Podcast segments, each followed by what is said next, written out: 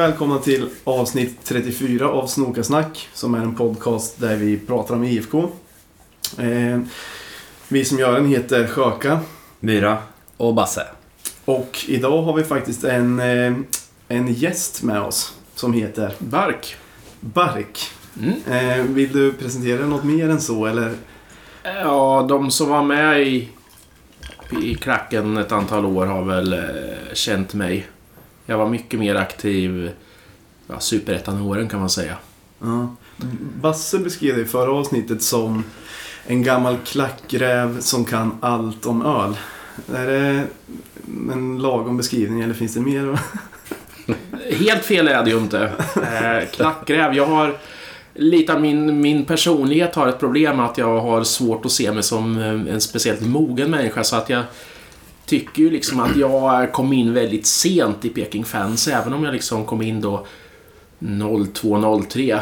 Så Ja. tycker jag liksom att det, det finns ju andra som är riktiga gamla rävar. Även om de liksom hade bara varit med kanske två år då. Ja, jo men så är det faktiskt. Det, var ju, det hände mycket i början. Så en, de riktiga rävarna kanske är ännu ett par år tidigare. Ett par, tre år tidigare. Jag tänkte på en sak. När vi har haft Jansson och Posse här och när vi har pratat om superettatiden. De ser ju nästan bara mörker där. Ser du eh, någon, eh, något, något ljus eller någon charm eh, eller är det ba, allt är bara bättre nu? Det där är ju som Jasse sa när han var med här en eh, sak som gjorde att Peking Fans blev en väldigt stark förening. Eh, vi, hade, vi växte i motgång. Och det gjorde ju att eh, vi fick en bra kärna, vi fick eh, egenskaper, jag på att säga, men vi fick eh,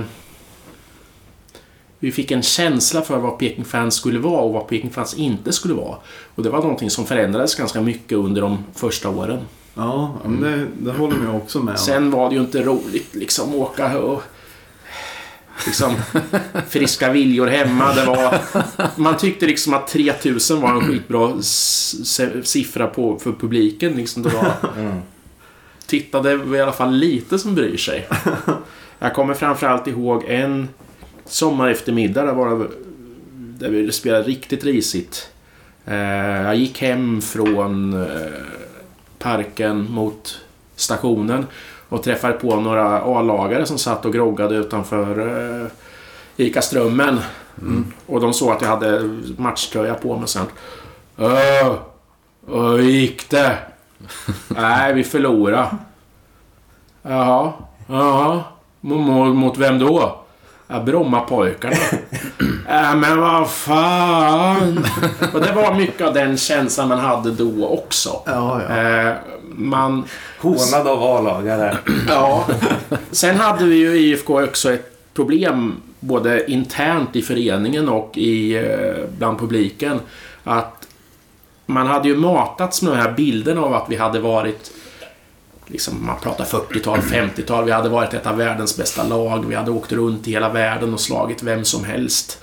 Och så var de här i, fortfarande då de här cupsegrarna i början av 90-talet, SM-guldet 89. Det var liksom fortfarande då var det någonting som fanns i folks medvetanden. Och det var ju mycket det som Thomas Walden byggde på med Stå upp för Peking, eller Stå upp för Norrköping-kampanjen. Och sen mötte den bilden verkligheten. Och det var nog det som slog, slog mest mot föreningen, som gjorde att de fick så fruktansvärt stora problem. ja, jag tror också det. Att, att det fanns, byggdes upp liksom förväntningar som aldrig riktigt infriades då under, under den tiden. Att, att man satsade mer än vad man hade eller vad... Ja, att man, att man gjorde klart att nu, nu ska vi bara springa igenom det här och att alla skulle sluta upp bakom det och sen så föll det platt bara och sen slog det hårt mot... Ja, även om man hade liksom, vi hade varit i Superettan i två, tre år och liksom hade kommit in lite grann spelmässigt i den lägre nivån så var det ju så att publiken och även då förening och styrelsen hade liksom de såg inte det där. Utan de såg fortfarande att vi var liksom ett av de här riktigt stora lagen. Ja, Och det, det går igen mycket i de klacksånger vi hade på den tiden. Ja, verkligen. Att, att vi är Sveriges bästa lag och sådär. Problemet är att det kan man ju sjunga, liksom sjunga på läktaren. Ja. Men om du verkligen tror det samtidigt som du kanske är Sveriges 25 bästa lag. Mm. Eh, då kommer det att bli problem. Då kommer folk att bli besvikna. Eh, det var mycket ångest under de här åren. Ja, exakt. exakt. Finns det någon klacksång från den tiden som lever än idag? Som vi kör? ja, men det finns nog ett gäng. Men inte så många av de här som, som var liksom superettan som kom just då. Nej. Det var ju mycket så här, vi ska tillbaks och, och lite sådär. Men det finns ändå en del sånger från den tiden som man fortfarande kör. Särskilt de som, som är lite mer bara Norrköping och, Ja. och allt det där.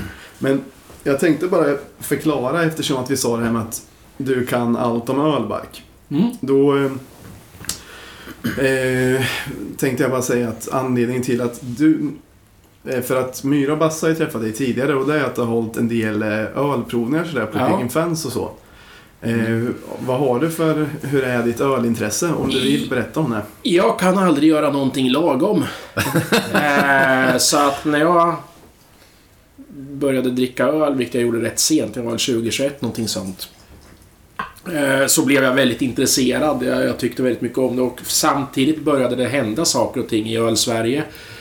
Det förstod jag inte riktigt då, men jag började att recensera öl 2001. Eh, sen startade jag en blogg 2008 som eh, under några år kring 2010, 11, 12 var Sveriges största ölblogg. Ofiltrerat.se. Eh, Det där har väl gått i vågor. Just nu en lite grann nervåg av olika eh, anledningar. Men För- för jag din kan del fort, ja, för min del är det. Eh, bloggvärlden är väl inte riktigt vad den var för tio år sedan heller. Liksom sådär, så att, Nej. Men eh, vi har i alla fall... Eh, vi har ju bett dig att, att ta med dig några roliga bärs. Så om, om andan faller på under an- avsnittet kanske, efter? kanske det kommer bli någon slags, eh, någon slags eh, ölprovning. Eller att du får berätta lite om den. Om, Ja. du, om, om du går med på det. Eh, Det var lite kul när jag gick på arbetsintervjuer 2012, 13, 14 någonting sånt. Eh, vad är dina fritidsintressen då? Öl och fotboll. Så tog det ett tag att förklara liksom att det kanske inte bara var att ta en bärs och, och gå på eh, stå i klacken utan jag, jag höll på mycket mer med, med olika saker inblandat. Jag satt ju i Peking Fans styrelse fyra år tror jag att det var till exempel. Ja, Under de mest röriga åren. Vad hade du för roll eh, då? då? Jag var sekreterare. när, Jag är en ordets man. när man har intresse för öl och fotboll på det sättet som du har så kanske det är mer en positiv grej. Då kan man ju berätta om att man har en stor blogg och att man har styrelse. Men, Det låter ju men om negativt. många säger det så låter det ganska negativt. Ja, Men eh, jag tänkte, du är ju lite äldre än oss ändå. Eh, hur, vad, vad är ditt? Vi brukar alltid prata med våra gäster om så här, vad som är första IFK-minnet och så här, vad, vad är ditt första IFK-minne? Eller vad, har du något särskilt som gjorde att du blev IFK-are? det, är- det är många svar på den frågan och det här behöver vi gå tillbaka ordentligt. Jag är inte säker på år utan någonting utan det måste ha varit 80, 81, 82 någonting. Eh, jag bodde långt ute i Hageby. Och eh, när man var ute i trädgården på, vid villan på somrarna så kunde man ibland på kvällarna när vinden låg på höra jubelvrål. Eh, och då insåg man att ja, nu spelar eh, IFK. Eh, så det är mitt första minne. Mm. Sen var ju, Men ö, hörs det på riktigt ända dit alltså? ja om vinden ligger på. Jaha. Eh, sommarkvällar kan ju vara rätt tysta om, om, du- om du har liksom så här luftlager som är... Jaha. Så det hörs. Fan vad coolt. Ja. Jag tror inte att det hörs lika mycket idag för att det är nog mer oväsen i stan idag. Ja, det där är bra. Men det där har jag trott att det är alltid en sägning som folk bara säger. Idag, idag hördes målljudet till bla bla. Men eh, det var häftigt. Nej då. Sen, eh, mitt nästa minne som jag tar fram är väl från eh, guldåret 89. Då gick jag i nian. Så folk kan räkna tillbaka hur gammal jag är. Ja. Eh, Det där var ju skönt när man liksom stod och snackade med Affe. Fan grabbar, kommer ni ihåg när ni firade guldet? ja, 89 brukade du göra Jasse. Eh, Sa jag. Det var ju det var sådär va. Nej, jag tänkte 56.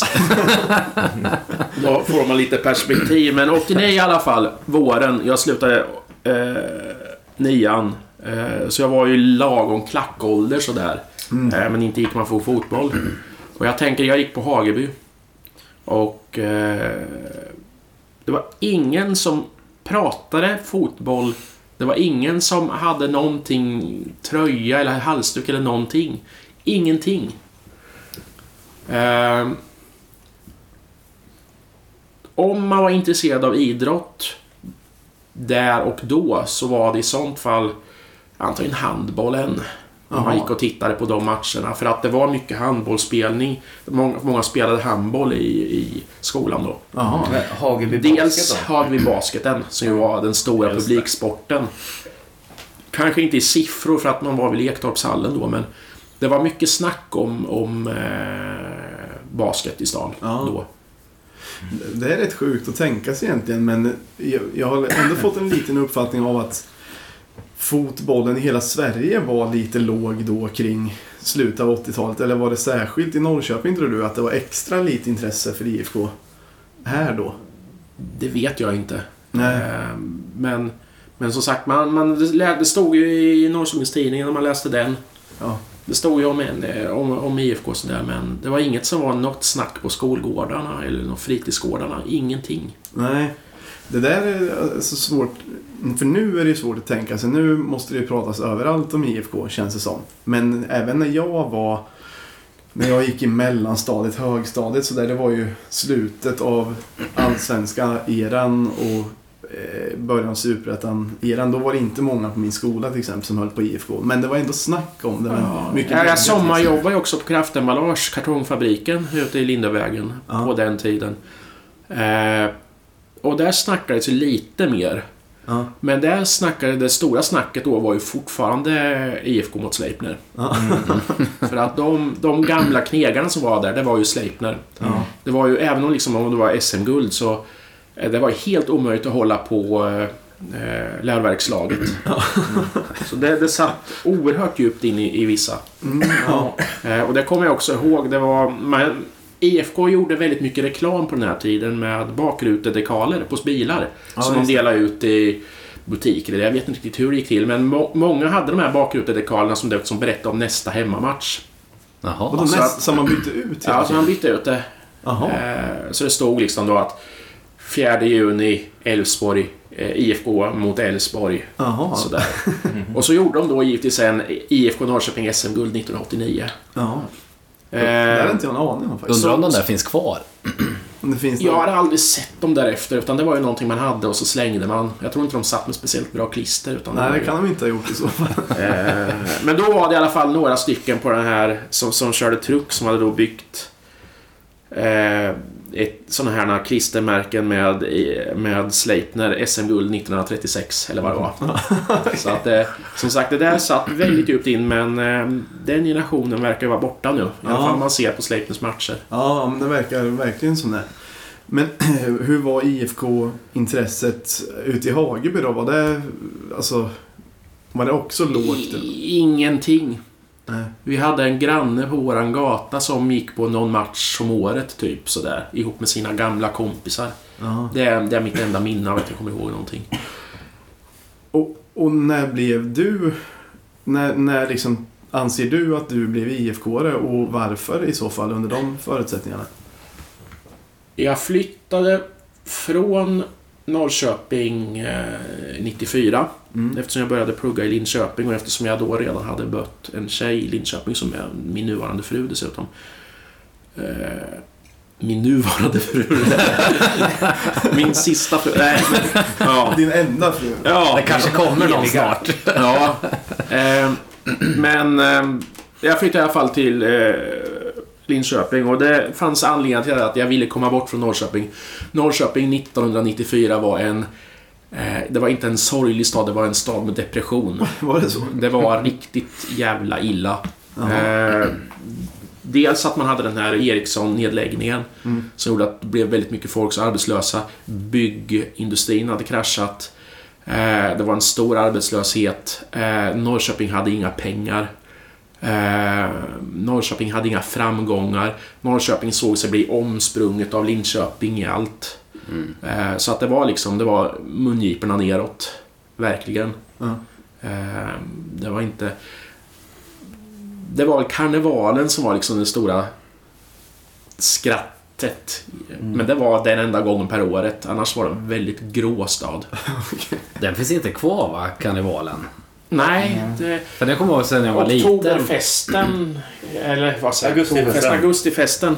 Eh, döptes nu väl om till 2001 eller något sånt där. Något sånt. Men Okej. det minns jag också som något roligt, just karnevalen. Jag tyckte inte att det blev alls samma sak när de, när de skickade bort, liksom när de bytte till augustifesten. Men jag kommer ihåg det att det var så som alla såg fram emot. Alltså jag var ju med och jag gick i tåget också av olika anledningar. i Karnevalståget som gick på kvällen, vuxentåget. Som det kallades. Eh, Dansa det lite. första, ja. 94, 84 då. Ja. 85, 86. Och det var ju...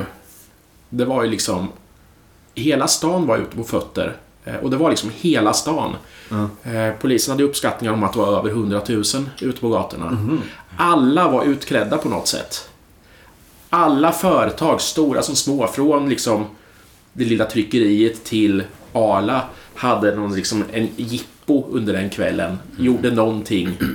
Det kunde vara någon som var ute och grillade korv liksom och bjöd sina grannar till att eh, Arla åkte runt och bjöd på mjölk Aha. från en tankbil. Eh, IOGT hade disco på hela eh, Repslagargatan. Så, att det var liksom var en enorm satsning. Mm. Eh, och jag tror aldrig att det skulle gå att få till något sånt igen. Men det var, det var kul. Det var en liten parentes. Ja, var IFK och gjorde så de synliga på, eh, på karnevalen tror du? Jag vet att... Eh, de Sleipner var med var på där. ba- ja, Sleipner var med. Sleipner var med på barnkarnevalen för de hade ju mycket mer ungdomsverksamhet än vad IFK hade då. Ja, just det.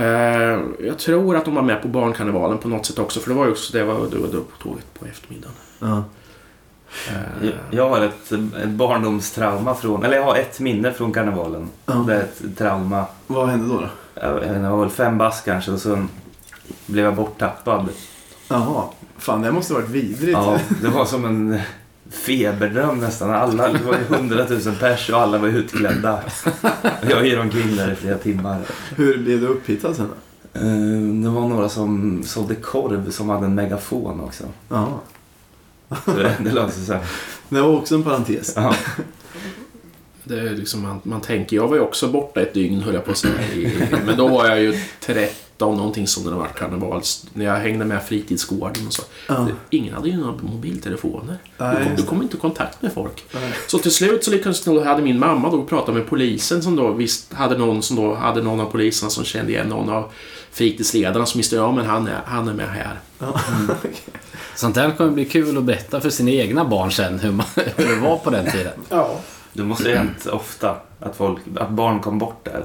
Ja. Ja. Bara en, som en sån grej om du skulle ut på krogen Ja. och om du skulle träffa på något gäng, då får du inte gå mellan krogarna liksom. Tjena, får vi, tjena vakten, får vi komma in och se om vi har kompisar här? Ja, just så. Så gick man runt och tittade, så gick man ner iväg till nästa krog. För de kunde ju vara var som helst. Oftast var de på gudskelov i mitt fall. Ja. Det är rätt sjukt hur bortskämd man är med det där nu. Ja. På, på ett sätt kan jag... På gott och ont. Ja. Man hittar ju på grejer lättare. Nu låter jag jättegammal. ehm, ska vi dra tillbaka till IFK? Ja, jag, frågan var... Jag var, in, ja, jag var inte in- idrottsintresserad. Jag liksom var lite som den där nörden som inte liksom gjorde en grej av att jag inte gillade idrott. Mm. Eh, sen så hade jag en... När jag gick på universitetet så fick jag en kompis som var från Växjö. Mm. Som liksom också då hade flyttat till Linköping. Som då blev mer och mer intresserad av Öster och det gick ju hyfsat bra för Öster då. Ja. Så att jag... eh, Och det här var 94 sa vi? Ja, det här är senare. Det här är väl 98, 99, 00. Han flyttade tillbaka till eh, Växjö senare. Ja. Eller ungefär den, i den och började gå på matcherna och började berätta liksom om vad de gjorde och vad de höll på med. Och det var ju... eh, Det var ju inte mycket och det var ju liksom... Det var, det var ju ett väldigt tajt kompisgäng Ja. med en massa udda profiler. Ja. Eh, och det där lät ju intressant och sådär men det var ingenting som liksom lockade mig. Förrän jag blev sittande i en bil. En, eh, eller min bil till och med. En, av en slump efter jobbet. Jag hade jobbat sent. Ehm, och det här måste ha varit oktober, november 01, något sånt. Mm. Eh, kvalmatch. IFK. Mm. Eh, jag kommer inte ihåg vilka det var mot. Kan ha varit mot... Eh, vad heter de i Sölvesborg? Mjällby. Mjällby. Kan ha varit något sånt. Var det inte Gais då, om det var 95? Så skulle det ha varit kvalmatch mot... Nej, men det här är 01. Är vi framme vid nå- någonstans. Ja, menar du IFK 01? Ja, Ja. då är det Mjällby. Då, Ja. Där är det Mjällby. Det. Eh, och jag blev... Det var en väldigt bra, givetvis så var Radiosporten och var en väldigt bra kommentator, liksom väldigt inlevelserik och jag åkte hem. Det var inte många minuter härifrån, men jag blev sittande i bilen och jag insåg att det här kan jag inte sitta utan jag tar och åker en vända och har klart den här halvleken. Kul. Så åkte jag vidare och vidare och det blev paus och jag, jag satt liksom nästan bet i ratten. Det, det, var ju, det var ju ganska jämnt här för mig och båda lagen var ganska kassa. Ja. Ehm, och där någonstans kände jag att, att, att jag är nog IFK-are. Men det där är ändå märkligt. Då har du ändå bott ganska många år i Norrköping och eh, växt upp i Norrköping och IFK har tagit ett guld under din ungdom. Men det är en biltur, eh, radiolyssnande till en kvalmatch nere om, om att få stanna kvar i Allsvenskan som gör det. Ja. Det är speciellt ju. Ja. ehm, men det är väl också så att eh, jag hade då bott i Linköping i säg 5-6 år någonting och liksom hade, men fortfarande det här som hade väldigt mycket hjärta kvar i Norrköping. Mm. Fortfarande har. Eh, Det är först på senare år jag har liksom börjat drömma i Linköpings miljöer och inte i Norrköpings miljöer. Men... Eh, eh, det här gjorde ett väldigt stort intryck på mig. Eh, Så jag började faktiskt 02 då att gå på några matcher och då låg jag fortfarande kvar i Allsvenskan. Rätta mig gärna om jag har fel om år nu, men det borde ha varit 02, sommaren 02. Ja. Dessutom var det så att Norrköpings Tidningen hade ett väldigt generöst lotteri om biljetter Ja. som jag skickade in till varje gång. Just det, det gjorde min mamma också alltid. Ja, Och alla Om man skulle svara alltid, på eller? någon fråga. ja det var någonting något sånt. Morsan fick jätteofta gratisbiljetter. Ja, så det var någon de måste ha fått ganska mycket och det var ju väldigt lite folk på matcherna då så att det var... Och så blev han sittande i mitten på, på VM. Sådär. Eh, och jag såg ju liksom där, där borta i, i hörnet liksom, de verkade ha rätt kul liksom. Och jag, jag är ju en väldigt nervös människa, eh, lagd åt det hållet så att jag kan ju liksom inte bara sitta där och glo. Utan jag kände att, att eh, mm, så jag började hamna då först i, i mitten på men några matcher senare så, så köpte jag biljetter till Östra. Och sen flyttade jag mig närmare och närmare klacken och sådär. Så. Eh, året efter så... Nej, det var till och med så att det var ett tifo. Mm. Man hade en den här jättelånga IFK-halsduken som vissa kanske minns. Just det, just Som det. liksom täckte hela Östra på den tiden. Eller inte täckte, men det var kanske 4-5 meter djup eller hög. Den Men täckte hela läktaren i längd. i längd, Ja. precis. Det var någon som hade gjort eh, åt Jag tror faktiskt att det var antingen Reidar eller Walden som hade sett till att den där blev gjord. Mm. Jag kommer inte ihåg vem av dem, men det var någon sån. Jag har nog inte sett den ens en gång. Ja, den fanns bara då. Den, den var- den... eh, Av olika anledningar så blev den, den blev allt mer sönderriven. Mm. Eh, och eh, slängdes väl några år senare. Mm. Men i alla fall, då hade man gjort så att man hade fyllt den där med konfetti. Mm. Och så satte upp den och så, och så då vid inmarsch så drog man ner den. Och då var den ju fortfarande fäst i taket. Mm. Eh, och så kom det konfetti då över. Östra. Och det där gjorde att jag satt ganska högt upp. Så jag skrev ett, ett, ett, ett ilskt brev, eller mail var det, till eh, TIFO-gruppen.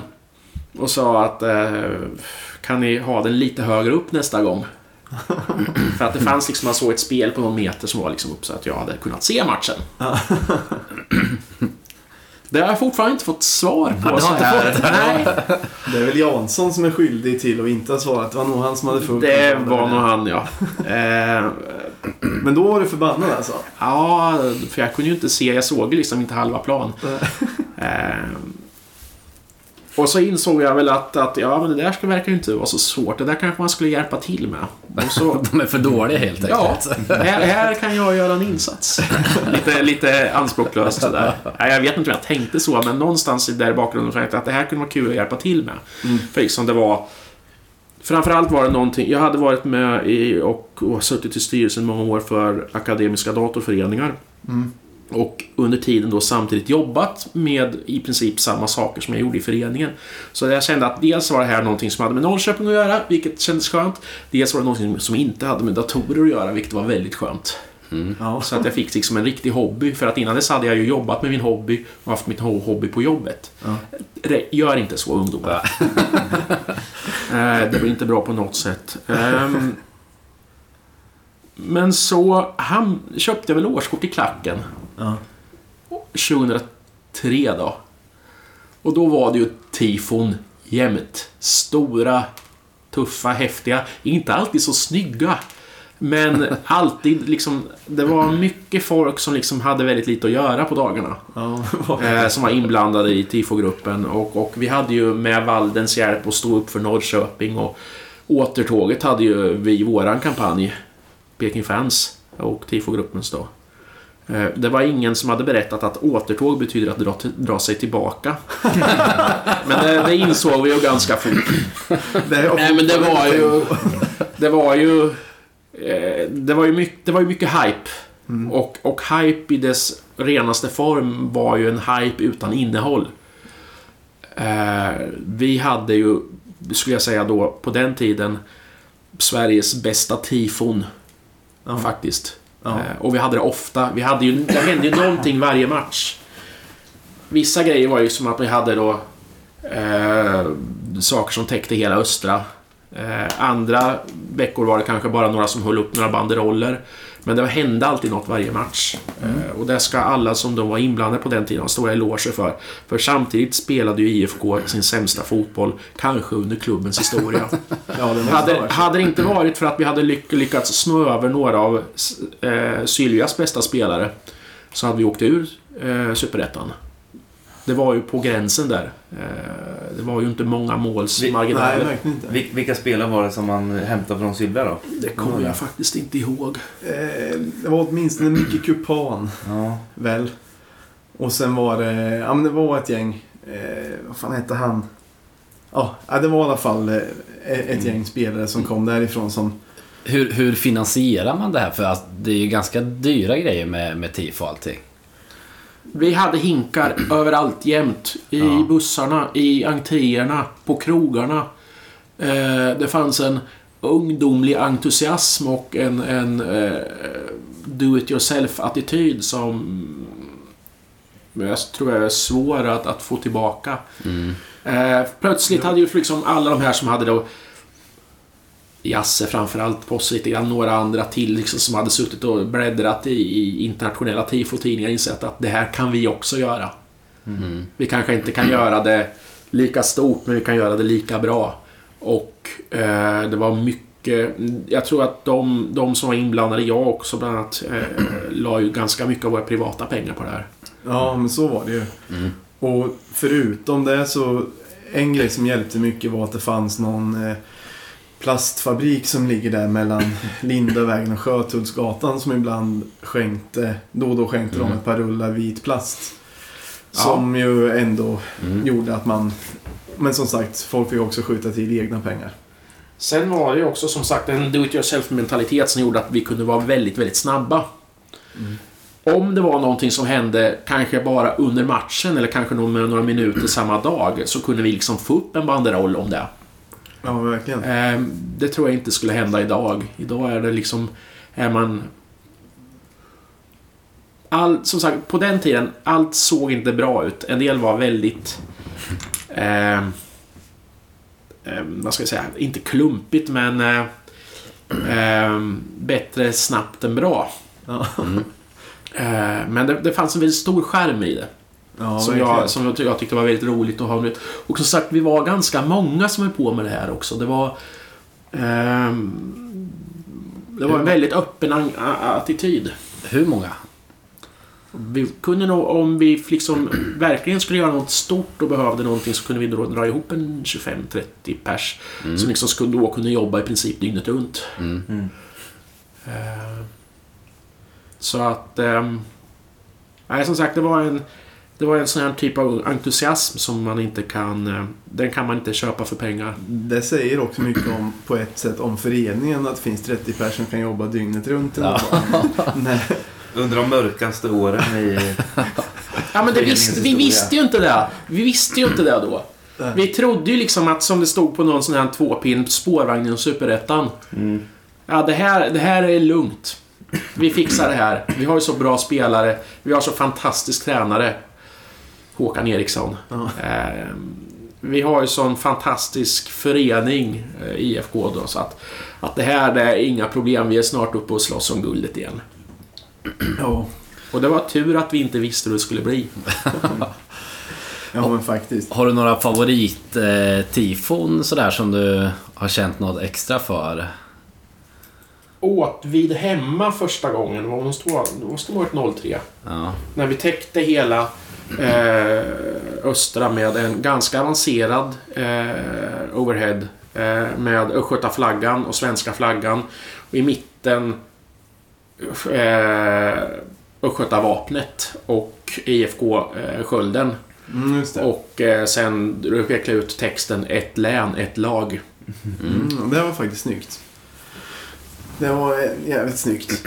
Men det, det, det var lite, Det är ändå lite svårt att tänka sig att det gick att göra sådana stora grejer flera gånger per säsong och några Ja. mindre. Sen hade, vi ju, sen hade vi ju fördelen av att det var inte så mycket borta publik. Så vi kunde, eller det, liksom, det var inte så mycket borta supportrar som satt runt om arenan. Det var ju inte så mycket borta supportrar. Eh, så att det var ju lätt att göra så här utan att någon försökte förstöra det. Nej, Eh, sen liksom också en som ligger oerhört, eh, varmt om hjärtat är Åtvid borta. Jag tror att det är året efter. När vi hade eh, det rörliga flaggspelet. Mm, det kommer jag också eh, ihåg. Det var... Först var det en svensk flagga. Nej, Östgötaflaggan. Eh, gul med blått kors. Och sen på en given signal så bytte de flesta flaggor så att det blev en eh, IFK-flagga istället. Mm, Oerhört avancerat. gick oerhört snyggt. ja.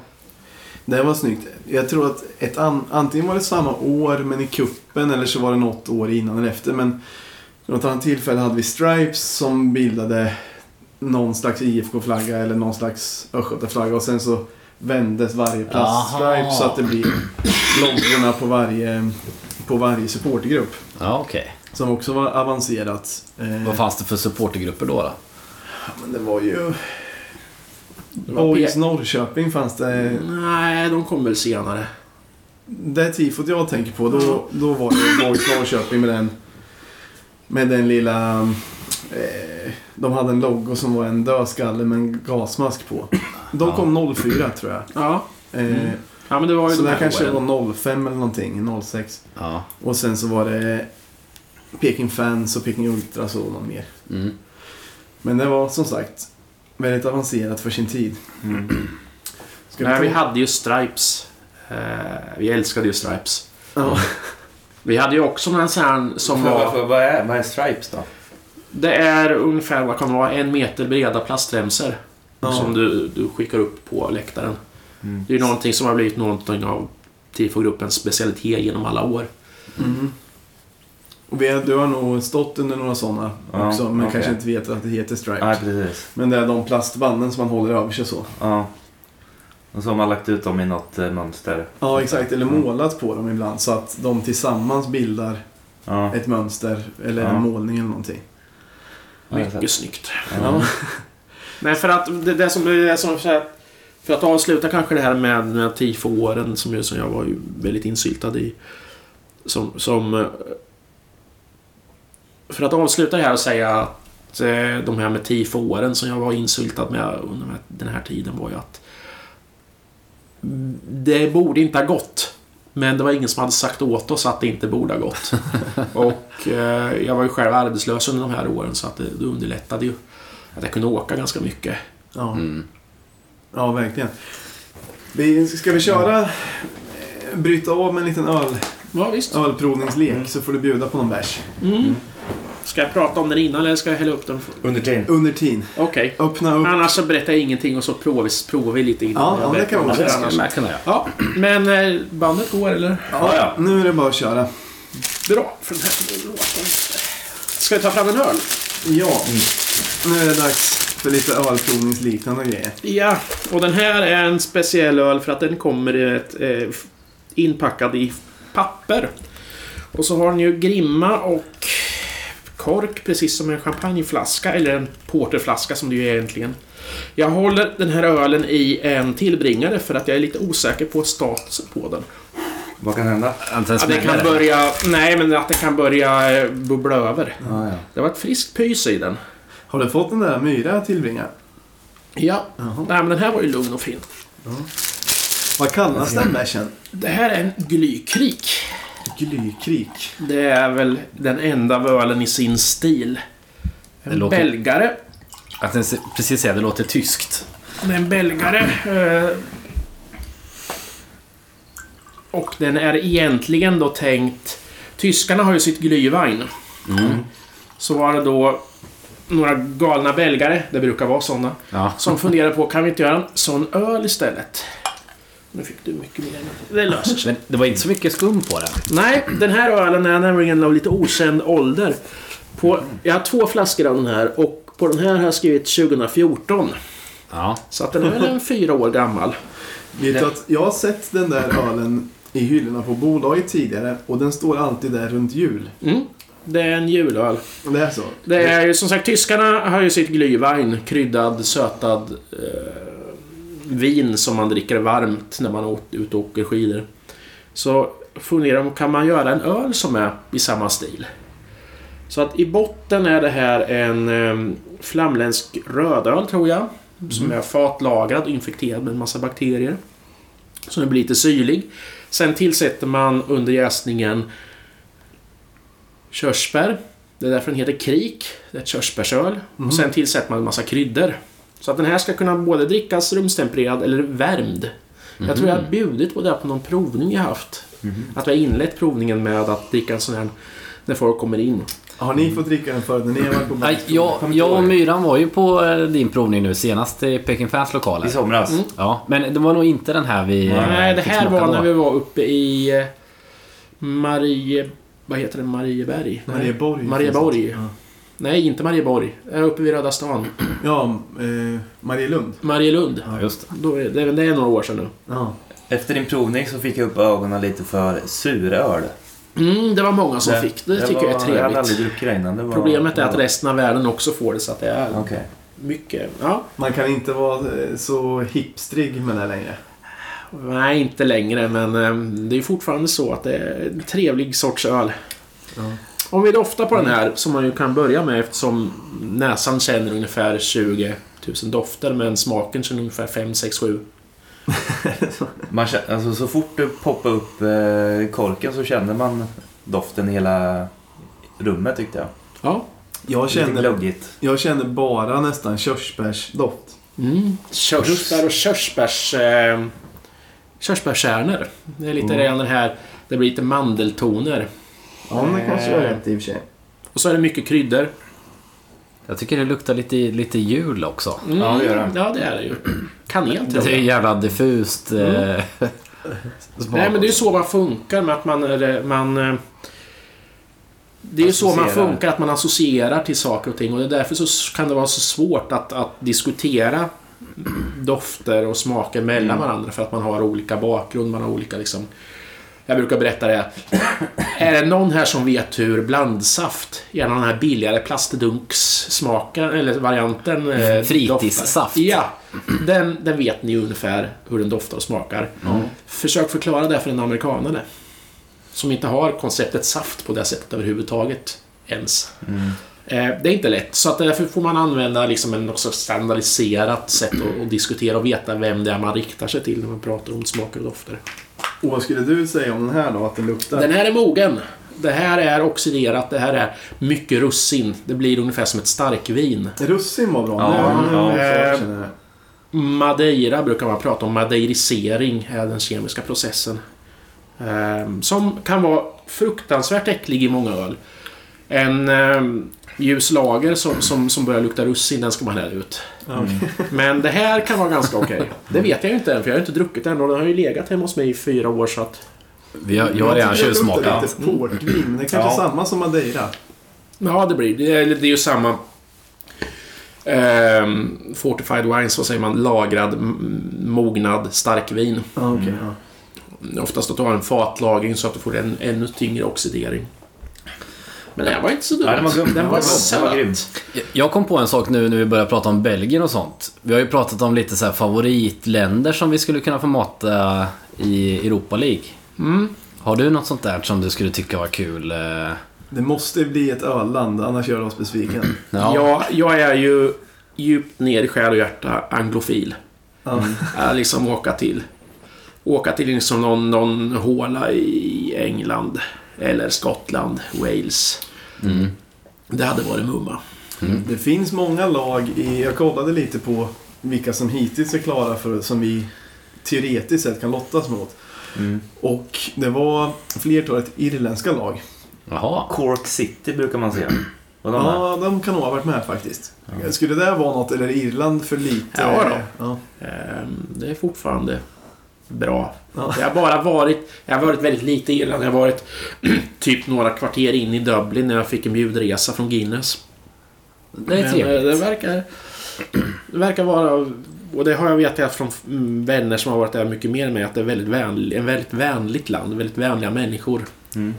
Och det är säkert, det är säkert många IFK som vill åka till just eh, Brittiska öarna. Det skulle säkert Mm. bli mycket folk. Ja. Och det är tydligen jävligt billigt att åka till, eh, till Irland med Ryanair var det någon som sa. Det kan jag tänka Ja. mig. Men jag tyckte att den här var söt och sur, den här bärsen. Mm. Mm. Mustig också. Mycket kryddor. Ja, och mycket Ehm, god. jag minns den så mycket syrligare när den är färsk. Ehm, men det här istället för glögg, visst. Ja, Mm. och det funkade som. Mm. Tycker jag verkligen. Det är lite spännande att dricka en varm för att liksom det blir, det väldigt, blir väldigt fel i munnen när man dricker. Mm. Ja, det är ju en öl, men det är inte en öl, men den är ju den, den är liksom, den är liksom varm. Det ska den ju inte. Ja, Hade jag fått den utan att veta att det var en öl och jag skulle gissa vad det var. Då hade jag inte gissat på, på en öl. Vad hade du sagt då? då? Ja, men en glögg eller... Den är ju mer... Ja, en- typ en glögg. En sur kolsyrad Ja. glögg typ. Frugan köpte nu i julas någonting som hette Glöett, tror jag det hette. Som är mousserande vinglögg. Ja, den, den drack jag också. Den var riktigt äcklig. Ja, den, jag tyckte inte heller... Jag drack Och inte ens det, upp... det är eh, uppenbart att de inte har försökt göra en glögg, utan det är ju ett försök att göra en mousserande glühwein. Ja. För den har de här mm, malörtskryddorna i. Nej, den... mm, Tack, men eh, nej tack. Nej, jag, jag fick det också serverat på julafton. Och det... Jag dricker ofta upp det jag får i glaset, men den... eh, Nej, den drack jag inte upp. Vi har alla våra gränser. Vad tyckte du om den här? Mm, ja, jag tyckte den var god. Men ha- hade du något mer? EM 92 tyckte jag ni jag hörde något om. Som jag hade missat. EM92 ja. Det var en eh, helhetsupplevelse för hela stan när vi fick den. Eh, jag minns ju hur det såg ut runt omkring idrottsparken innan VM. Eh, och det var ju i princip orört eh, VM 58. Ja. Så allting var ju väldigt, väldigt slitet, väldigt bedagat. Det var mycket, liksom det var det var mycket som var, det var rostigt, det var övermålat sådär. Ehm, sen hade ju inte IFK liksom, kommunen hade ju inte heller liksom satsat någonting på arenan. Varför skulle man göra det liksom? Ehm, men där fick man ju en stor renovering. Mm. De fick bort eh, löparbanorna. De flyttade östra läktaren som då hette Tipsläktaren närmare eh, arenan. Vilket är någonting jag saknar idag faktiskt. vi var mycket närmare spelarna när vi stod på Östra. Eh, innan det blev Nya Parken och, och Östgötaporten. Mm, Innan senaste ombyggnationen. Ja. Mm. Man Eh, dutt eh, ja, visst. Os osäker på skicket. Det kan vara ganska mycket gäst i den här. Ni får, ni får säga till. Tack så mycket. Den ser ganska okej ut fortfarande. Och visst byggdes också norra läktaren alltså på det sättet som den såg ut Ja. fram till kurvan? Likaså berget Ja. byggdes ju bort och blev eh, södra läktaren. En läktare istället ja. Ja. ja. Man kan ju fortfarande om man går runt berget och tittar se hur det såg ut innan för att det är ju oerhört bakom under. Det är Det är inte så... det. Ja, ja, jo visst men... Man ser också faktiskt en liten bit av löparbanan som är kvar. Ja. Vi får se Jaha. hur mycket som blir kvar nu efter... Om de bygger om. Jag hoppas ju det. Men, eh, men man, man, man gjorde ju det till en ren fotbollsarena. Eh, jag var med i några föreningar då också inför VM och EM. Och man eh, satsade att få med liksom hela stan på det här arrangemanget och man berättade. Jag var med som föreningsrepresentant i en dragning som polisen hade som berättade att de hade eh, förberett sig för det värsta. Om det skulle bli kravaller. Eh, Vilket ju 92 liksom, det var ju det var ju sådana tider. Eh, och det var det ju även på IFK-matcherna har jag förstått av de som var med på den tiden att det var det var ju lite slagsmål här och var. Ja. Och det var liksom ingen som, som brydde, någon som brydde sig om. Det var lite pitchningar här och var. Liksom, Okej, liksom, då föser vi undan dem. Ja. Så att det var liksom mer easy going men det var också mer... Det var en mer, vad ska vi säga, en, en, en våldsammare stämning. Mm. Det fanns en högre acceptans. Jag kan lägga in där att eh, Norrköpingspolisen och tror jag Stockholmspolisen då sista åren innan EM, alltså kanske 90-91 där. Så hade de, de körde liksom genrep när IFK mötte exempelvis AIK på Parken. Och då Ja. bullade de upp med väldigt stora polisinsatser och då... För att öva lite grann. Ja. För att öva inför. Och sen så det ena ledde väl till det andra. Det blir ju ofta så att om polisen har sagt att de ska öva sig inför EM och liksom när det är storpublik, det blev väl lite så att AIK-arna skulle också visa. så det var ju att de, de sprängde någon grind där och det blev slagsmål på VM-läktaren och sådär. Ja. Och som det ena kanske födde det andra lite. Ja, en av de mer absurda anekdoterna som en bekant till mig berättade var att hon hade då stått i... eh, Hon var Norrköpingsbo men hade stått i AIK-klacken. Ehm, och då hade ju då liksom de i princip spärrat av hela stan. Så att klacken fick då ta sig till sitt tåg som de hade hyrt. Eh, och så såg de till att alla gick ombord. Ja. Så att hon var ju tvungen att åka för, till Stockholm och sen tillbaka. Eh, jag tror sen att AIK-föreningen löste de pengasakerna åt henne, men det var liksom så hårt var det. Och det gick liksom, inte ens att prata med dem liksom och säga att jag bor här. Jag... Nej, det var ju... Nej, nej, nej. eh, så att jag vet att polisen hade ju i värsta fall hade man tänkt så att man hade ju då att lagen och supportrarna bodde på olika delar av eh, stan, jag skulle säga Östergötland. Så man hade ju liksom då eh, förberett för att man skulle kunna spärra av hela stan Nu menar du under själva EM? under EM. Ja. Mm. Eh, så att man liksom skulle kunna ha kravallstaket liksom rakt genom Dela upp Norrköping i fyra zoner. Jaha. Där vi inte skulle släppa igenom någon. Eh, så man var ju beredd på det värsta, vilket väl är bra. Men som sagt, de här, framförallt den här AIK-matchen är ju sägen om susad att, att det var... Att man liksom behandlade dem som om de hade varit... Ja. En, en invasionsarmé mer eller mindre. Ja, och kanske ville provocera fram att det skulle hända någonting för att det var ju träning de ville ha. Ja, jag visste så. Kommer ni ihåg vilka länder det var som var här och spelade i Norrköping? Ja då, det var Skottland. Som jag fortfarande har ett svagt hjärta för, för det. Ja. Eller svagt hjärta, nej, det säger man väl inte men... Knäsvag när du tänker på dem. Ja, eh, det var Skottland som eh, jag fortfarande är svag för, deras landslag. Det var resten av Sovjetunionen. Eh, vad var det mer? Var Danmark här? Men, ja, var det då Jugoslavien skulle ha spelat? Tyskland var väl här i alla fall, ja. Och Jugoslavien skulle ha spelat men de upplöste sig så att då fick Danmark hoppa in. just Och det. vann hela skiten. Ja. Jaha. Eh, Men det verkar som att många Norrköpingsbor gillade skottarna när de Ja. var i Norrköping.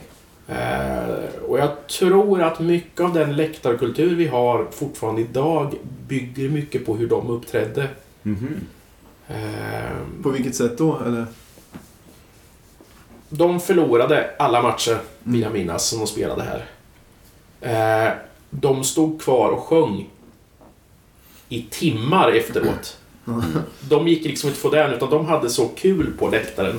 Så de stod och sjöng sina långa sånger eh, och sina ramser och hade allmänt party på läktaren.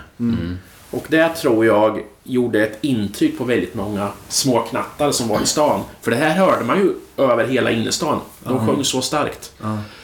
Eh, de stod mycket på då, mm, Södra tror jag att de stod på, när de spelade. Eh, och liksom, jag, jag tror att det var många, många småknattar då som liksom blev Fick en vision av vad läktare supporterlivet kan vara.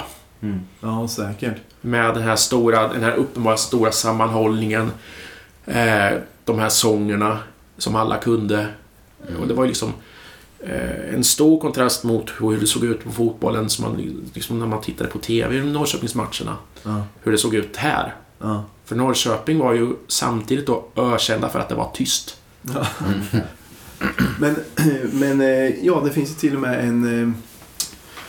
På den här, någon av de här IFK-CDsarna som gjordes under 2000-talet Typ, eller någon, kanske Pekings Stjärnor eller något sånt. Det var ju, var det inte något spår på den, en IFK-låt som... Rubliners. Ja, just det. Så, Rubliners heter Ja. så. Som handlade ganska mycket om skottarna när de var i stan och de sjunger till och med Hela Norrköping älskar dem. Ja. Jo, sånt. men som sagt, de gjorde ett stort intryck och även när de liksom var på stan och, och drack öl så att det var... Till skillnad mot tyskarna som var liksom väldigt... De var väldigt inåt Ja. sig själva. Ja. Så var skottarna liksom att... Eh, ja, men för fan, kom, kom med här! Kom med här! Kom med, vi, vi, har, vi har kul! Ta med, vill du ha en öl? Ehm, Men efter EM då och åren efter EM märktes det någon skillnad, något uppsving överlag? Alltså ökat publiksnitt? Eller var det mest Nej. när klackkulturen växte fram? nej, och IFK, eller Norrköpings publiken var ju fortfarande ökända för att vara tysta och gnälliga. Mm. Och det är ju ingen bra kombination. eh, jag vet inte om ni känner till Norrköpingssonen och ljudteknikern med mera Mikael Betretov. Ja, han, gjorde, ja. han gjorde vid den tiden en, eh, en radioserie som heter Hysterio. Som fanns också, den gav ut en skiva givetvis också ihop med det. Och där hade han ett, nu kommer jag göra, försöka göra det här in character. Ett korsord för er alternativintelligenta. Som då, han hade haft ett fyrdimensionellt korsord tidigare. Tänk på att tidsaxeln aldrig kan gå emot vågrätta i vänster riktning. Ja, det var i alla fall någon som hade tyckt att det här var för svårt, så då hade han gjort ett korsord för de är alternativintelligenta. Och det var liksom, låter det... För att han ska ju alltid prata norrköpingska när han ska liksom göra sina röster oftast. Då. Eh, säger svärmor när det kommer en råtta i köket. Åtta bokstäver. Och då skulle svaret på då är I. Och nästa sån här led, ledtråd var Låter det på Norrköpings idrottsplats när det blir rufft spel på plan? Två bokstäver. Och det skulle givetvis bli. Och det där trodde jag när jag hörde det på början av 90-talet att ja, jo, det där liksom, det... Liksom, han skojar till det. Ja. Sen fortfarande när jag började gå på fotboll i Norrköping i början av 00-talet. Då var det fortfarande, när det blev rufft spel på plan, då hörde man framförallt från VM "Öh." Och tänker det om det bara är det som hörs. Ja. Eller om det är då de här som man fortfarande kan höra ibland i klacken och även utanför liksom. När det blir tyst, när det inte är med några sånger. För fan vad dåligt ni spelar! Ta den den där! Ja. ehm, Och det förstår man ju liksom att det, det är ju inte kanske någon kul arbetsmiljö för spelarna. Och hela tiden matas med det här. "Ja, Fy fan, du kunde missa den där bollen! och det var ju ett av, tror jag, blev ett av Norrköpings... Det blev ett självaccelererande problem. Ja. Man fick ingen uppskattning om man gjorde bra, men man fick väldigt noga reda på om man gjorde någonting dåligt. Det lever kvar till viss del, men inte i lika stor utsträckning tycker jag ändå. Mm. Mycket av det handlar väl om att vi överröstar dem. Ja, ja, kanske, kanske. Men någonting som jag, vill återkomma till, för jag tyckte inte att det helt blev klart. Det var ändå lite intressant det här att du gick från att lyssna på radio, höra en match och inse att jag är nog IFK till att bara ett par år senare vara med i Peking Fans styrelse och så här. Hur, hur kommer sig det? Eller hur kom du in i, i Peking Fans, eller man ska säga? Jag är en föreningsmänniska av arv. Mina båda föräldrar var under min uppväxt satt i massor med olika sorters styrelser. Ja. Eh, Så det var liksom naturligt för mig att, liksom att glida in på den banan Ja. och se att det här kunde jag... Liksom jag, jag, jag, liksom, jag var med på mycket aktiviteter och sådär. Jag hängde med på mycket grejer och ja, så småningom dyker det upp en valberedning någonstans ifrån. Ja. Det var, det var som sagt väldigt spännande år. Ja, sen när du sa något om innan också att du inte kan göra något lagom. Ja, jag försöker jobba med det. Jag, jag tycker att det är eh, roligt att, att försöka bara göra någon nytta. Ja. Och göra det som jag är bra på. Och det är att skriva protokoll mycket. Jag en anekdot. Jag ska inte hålla på med pengar. Till skillnad mot min far som är liksom en kassör i, i, i ner till liksom väldigt mycket. Jag kommer ihåg att jag hörde talas om dig innan jag hade träffat dig första gången. Då kanske det kan ha varit 2000... Vilket år kan det ha varit som du var på lokalen första gången? Det kan ha varit 2002 eller 2003 eller? Jag borde ha dykt upp i lokalen första gången hösten... noll- Hösten, vintern 02-03. Ja, okej. För då, ja, så som jag minns det så var det en kulturnatt där Peking Fans hade öppet hus. Ja, Kan det stämma? det stämmer nog. För då så fick jag höra i efterhand att det hade kommit in någon eh, som hade sett sig om lokalen och sen kollat lite i köket och sen börjat städa upp i köket. Ja, det låter som mig. Jag eh, plocka disk är fortfarande en av mina huvudsakliga arbetsuppgifter. Nej, men eh, liksom jag ser eh, och jag... Mer då än nu hoppas jag, men jag kunde vara ganska framfusig liksom att, att jag... Eh, om jag tycker att någonting behöver göras, eh, då, då tänker jag att så här kan vi inte ha det och så gör jag någonting åt det. Jag har insett senare att jag har genom mitt liv trampat väldigt många på tår. Fast just den grejen tror jag bara föll, föll i god jord. Det- Jag tror det behövdes någon som kunde styra upp grejer i lokalen. Men det lät också lite som- som, som. Ja, Alltså- det, det lät också lite som när den där långa halsduken vecklades ut på, på läktaren och den var i vägen. Ja, jag skrev ett mejl. Ja, det gjorde nog inte så många andra. Och ja, det här kan vi göra bättre nästa gång. Ja. Så- Just det. Kul ändå. För då visste jag ju knappt vad tifo var. Eller jag hade ju aldrig sett... Jag hade ju inte den bakgrunden som... Ja, ja återigen Jasse och Posse hade som var de starka männen i föreningarna. I föreningen då. Nej.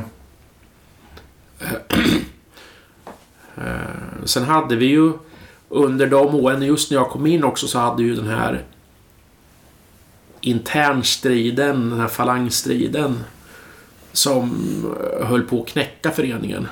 Mm. Peking Fans. Just det. Vi hade ju då de som var mer åt ultrashållet eh, och så hade vi mer åt de som kom från de som hade mycket bildat Peking Fans och deras kompisar. Och det var väl... Det var sista året vi hade årsmöte uppe på Sandgatan. När kan det ha varit? Tre eller fyra Ja, kanske. något sånt. Eh, då hade vi ju en eh, ordförandestrid. Jag kommer inte ihåg vem som var...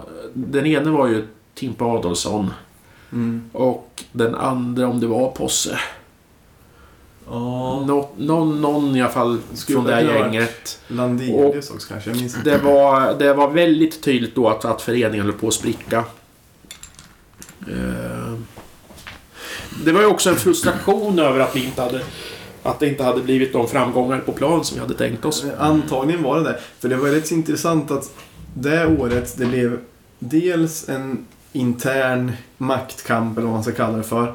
Och för övrigt då var den lokalen helt proppfull. Det har aldrig varit så mycket folk på ett Peking Fans årsmöte varken före eller efter. Det måste ha Ja, varit det var ju att 200 alla drog, drog in sina alla drog in sina kompisar, vilket man ju gör vid en sån här eh, falangstrid. Ja, det var helt proppfullt i lokalen. Alltså verkligen proppfullt.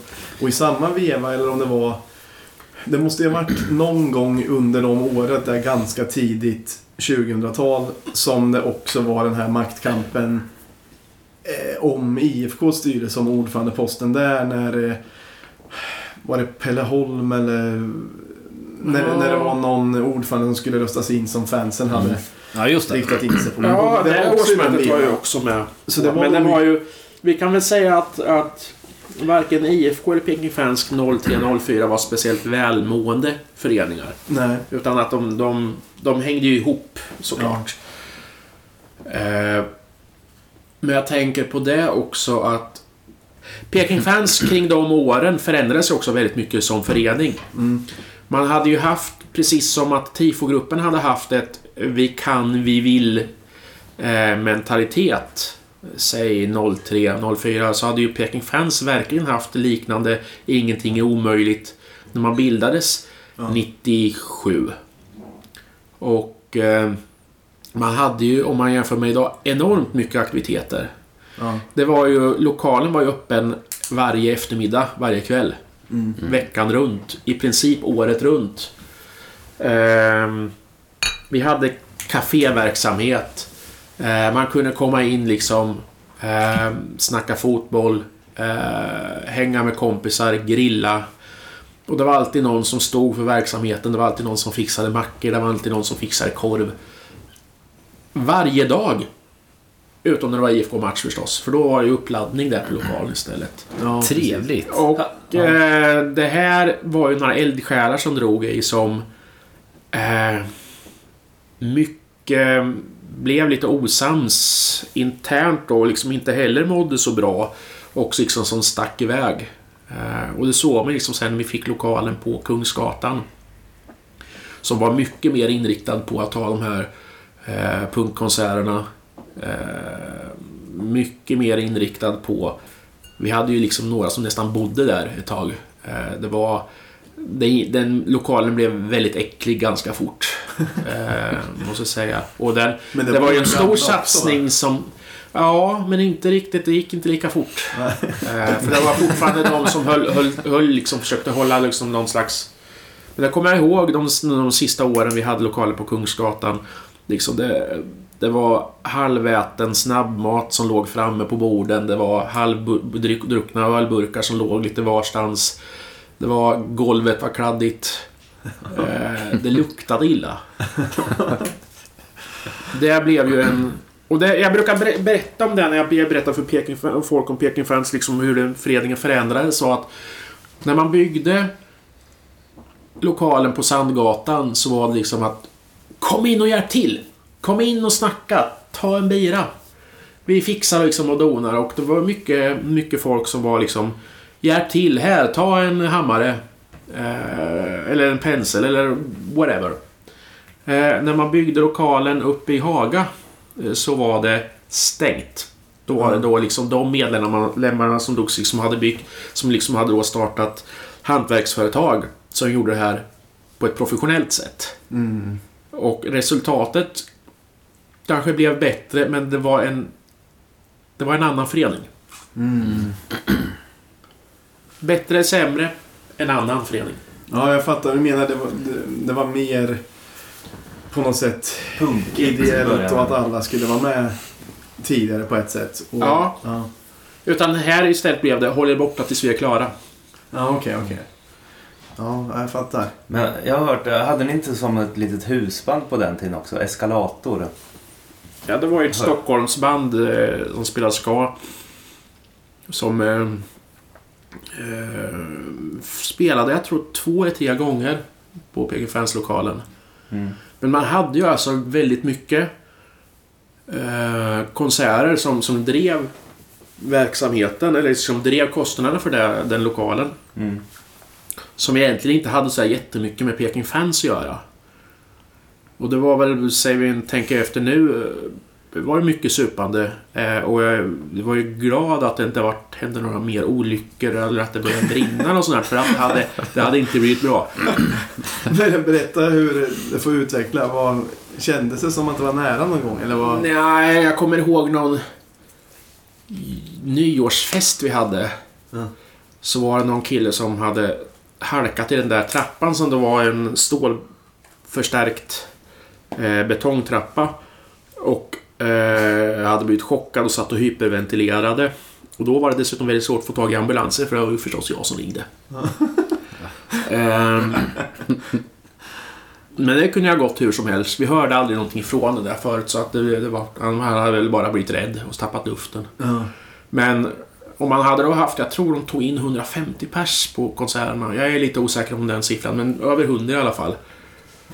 Om det hade hänt något, liksom den nödutgång vi hade var längst bort i lokalen förbi det lilla rummet och så skulle du gå förbi ett, rö- ett rum som hade liksom, det var värmecentralen som var fullt med rör och så skulle du ta dig ut genom ett fönster och sen genom att klättra på en stege.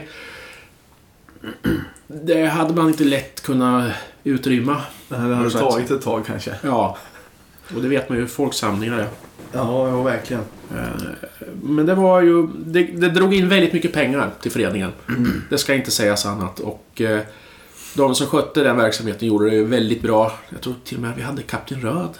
Spelade live eh, någon kväll. Jaha, det var ju... Han måste varit helt nöjd va? Ja, han var inte... Han var lång, lång men... eh, Men liksom, att det var, och det var liksom att, att eh, det var ju flera artister som liksom provspelade sina konserter.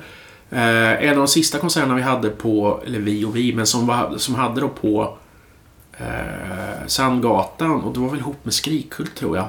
Peter, Björn och John. Som just då höll på att få den här breaka med den här eh, Young Folks Mm.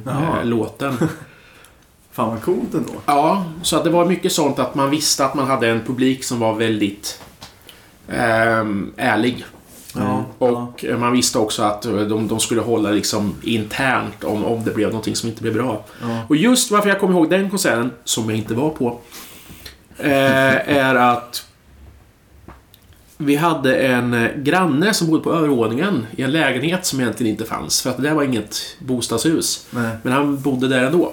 Riktigt flott. Eh, du kan ju tänka dig utsikten där och så här. Det var Sandgatan då. Det är på, Sand, nu är på Sandgatan, precis. Eh, nu vet jag vart vi är. Jag satt och funderade på vart Sandgatan är. ja, Lace, där det var sen. Så, så han, ja, hade ju, Spången. han hade ju utsikt över strömmen kan man ju säga. Han bodde högst upp. liksom, ja. Pratar vi nu om en gammal basketgubbe? Eh? Kan vara så. Ja, men det är det. Ehm, och eh, Numera IFK-gubbe. han tröttnade ju på det här. Han gillade inte att, att det var liksom fest och stoj och, och stim. Eh, De vanliga föreningsaktiviteterna kunde han acceptera, men de här konserterna gillade han inte. Så han gick helt enkelt ut i trapphuset och stängde av strömmen. Ehm, men Peter Björn John som gjorde det redan då var proffs. Plockade helt enkelt fram sina akustiska gitarrer och, och körde resten av eh, konserten akustiskt med eh, levande ljus. Ja. Häftigt. Men, men det här med eskalator som du frågade om Myra. Mm. Det var ju som sagt ett Stockholmsband, ett skaband som var väldigt små egentligen. Men av någon anledning så spelade det, det var att vi spelade den skivan ofta på lokalen. Det var väl kanske Jansson eller någon, eller det var Jansson som hade introducerat den. Och sen så var det många som gillade den så den, den gick hela tiden i lokalen. Mm. Och sen så spelade de, de hade någon spelning som var ganska liten och där, det var liksom precis i början när vi började spela skivan. Sen efter den konserten så lyssnade vi på skivan alltid på lokalen. Mm. Och sen när de kom nästa gång, då var det som att hela Peking Fans kunde alla deras låtar och deras texter. Den gick ju på repeat på bortabussarna också. Ja, ja. Och inte mig emot det, är riktigt bra musik och det är liksom är... Ja. Ja. Nej, liksom det också. Jag, Men de jag kunde tyvärr inte vara med på någon av de för konserterna. Nej, men då, då missade de något för att de blev så chockade. Ja, det var det jag tänkte säga. För de hade ju inte, liksom, de hade ju väl inte fans på det här sättet. Men det var nog det närmsta de kom att ha liksom groupies när de kom till Piggen Fans. Och det var Sjöng med och sådär, kanske kunde låtarna. 150 personer kunde alla låttexter och sjöng med liksom som om det vore en klacksång. Ja. Mm. Och de eh, tyckte det var jävligt häftigt att stanna kvar efterfesta och allting. Kul. Ja. Vi hade ju Ja, en av deras låtar som klacksång faktiskt. Mm. Jag kommer bara inte ihåg. Na, na, na, na, na, na, na, na, na, na, na, na. Peking. Exakt. Jag tror inte den var mer avancerad än så, men den var kraftfull på sin tid. Vi är bäst, Norrköping. Så var det ja. Men den var svår att sjunga märkte vi. Ja. Men jag gick då när man var ett mindre gäng bara. På vissa matcher. Ja, du. Men s- ska vi pröva en till bärs eh, så länge innan vi fortsätter? Vi kör. Ja. Orval. Orval. Ligger och, låter jag också öppna i en eh, tillbringare. För att den är, kan leva lite eget liv. Den tog lite, Den klarar sig. klarar sig. Och vad är det som gör att den kan leva sitt eget liv? Det är mycket gäster den här. Okej. Den skummar mycket. Det var en trevlig flaska tycker jag. Ja, den är rätt unik. Och det här är en av de här trappistölen som är så sägnomspunna. Ah, bjöd du inte på det i somras? Kan ha varit. Eh, det är egentligen inget speciellt med den så öl. Eller, den här är också väldigt långt ifrån all annan öl. Eh, den jäses med speciella gäststammar som inte finns i så många andra öl. Det finns några som, är kloner av det här. Gäststam. Ja, eh, det finns ju många olika sorters gäst Ja. som man kan jäsa öl med. De flesta försöker man ha så att de ger så lite karaktär om- som möjligt åt ölen. Alltså att det ska smaka så lite gäst som Ja. möjligt. Typ. Ja. Eller ja, när gästen käkar eh, kolhydrater eh, och, och eh, bajsar ut alkohol och kolsyra så kan de också bajsa ut andra ämnen. Det är, ja, det är det som händer liksom. Ehm, vissa av de här ölgästerna eh, drar ut väldigt mycket konstiga ämnen. Mm. Och eh, det här då som är en eh, ö, belgisk öl har då en eh, Brettanomyces-stam. Det kan man säga mycket om men den jobbar väldigt långsamt, äter all sorts kolhydrater och eh, kan göra öl väldigt torra. Och eh, vad bajsar den ut? i, i, stör, i största allmänhet alkohol och eh, kolsyra. Det är ju liksom det som gör att det blir öl. Annars hade vi druckit sötvört. Det har jag gjort. Det smakar... Det smakar... ehm, det smakar ungefär som... Uh, Blandsaft. nej, det kan man inte säga. Eh, Svårt att beskriva om, du, om, du, om, du har, om du lägger ut vetemjöl och, och vatten eh, och, och du drar runt det så är det något i den stilen. Det blir väldigt, väldigt Ah, sött. ja. Ja, okej.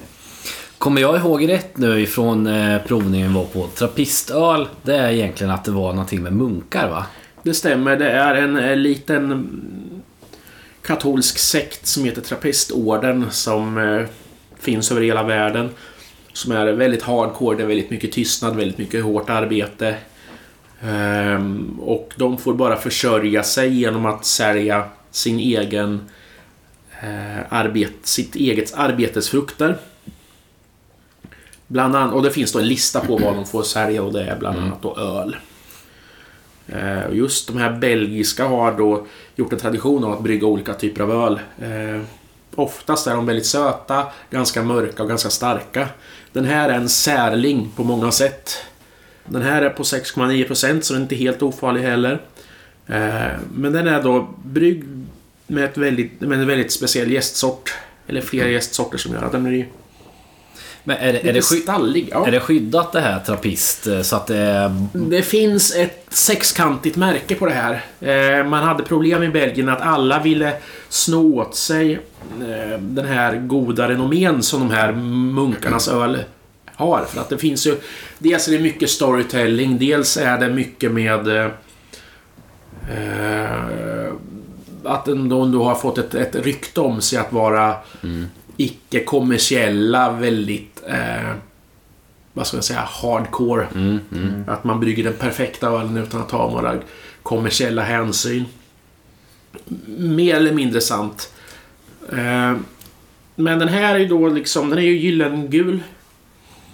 Doften Den här annorlunda. är svårare och det andra var så tydligt med körsbär än Ja. den här.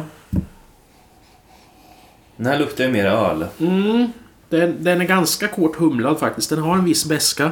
Den här är bryggd relativt nyss. 11-17. Håller sig till eh, 2022. Ja. Men den går att spara mycket längre. Och eftersom den då, den här gästen som finns kvar jobbar sig igenom ölen. Just det. eh, och utveckla den. Men det sägs oftast att man pratar om att, att den kan dofta lite mm, stall, häst, Mm. stallhage. Ett, ettan känner jag. snus.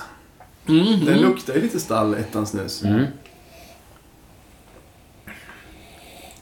Eh, men det finns ändå någon slags humle i, botten på den. Smaken. Nu går jag in i mitt ölprovar-jag om ni undrar. Ja, det är bra. Jag känner att jag får en Smaken. lite, lite tydligare högre röst också. För att jag har liksom... Är svårbeskrivlig, men det här är en öl som passar väldigt bra till feta maträtter tycker jag. Det kan man tänka sig. Eh, belgiska grytor, sådana... Eh, de har en speciell kycklinggryta. Nej, det har de inte alls.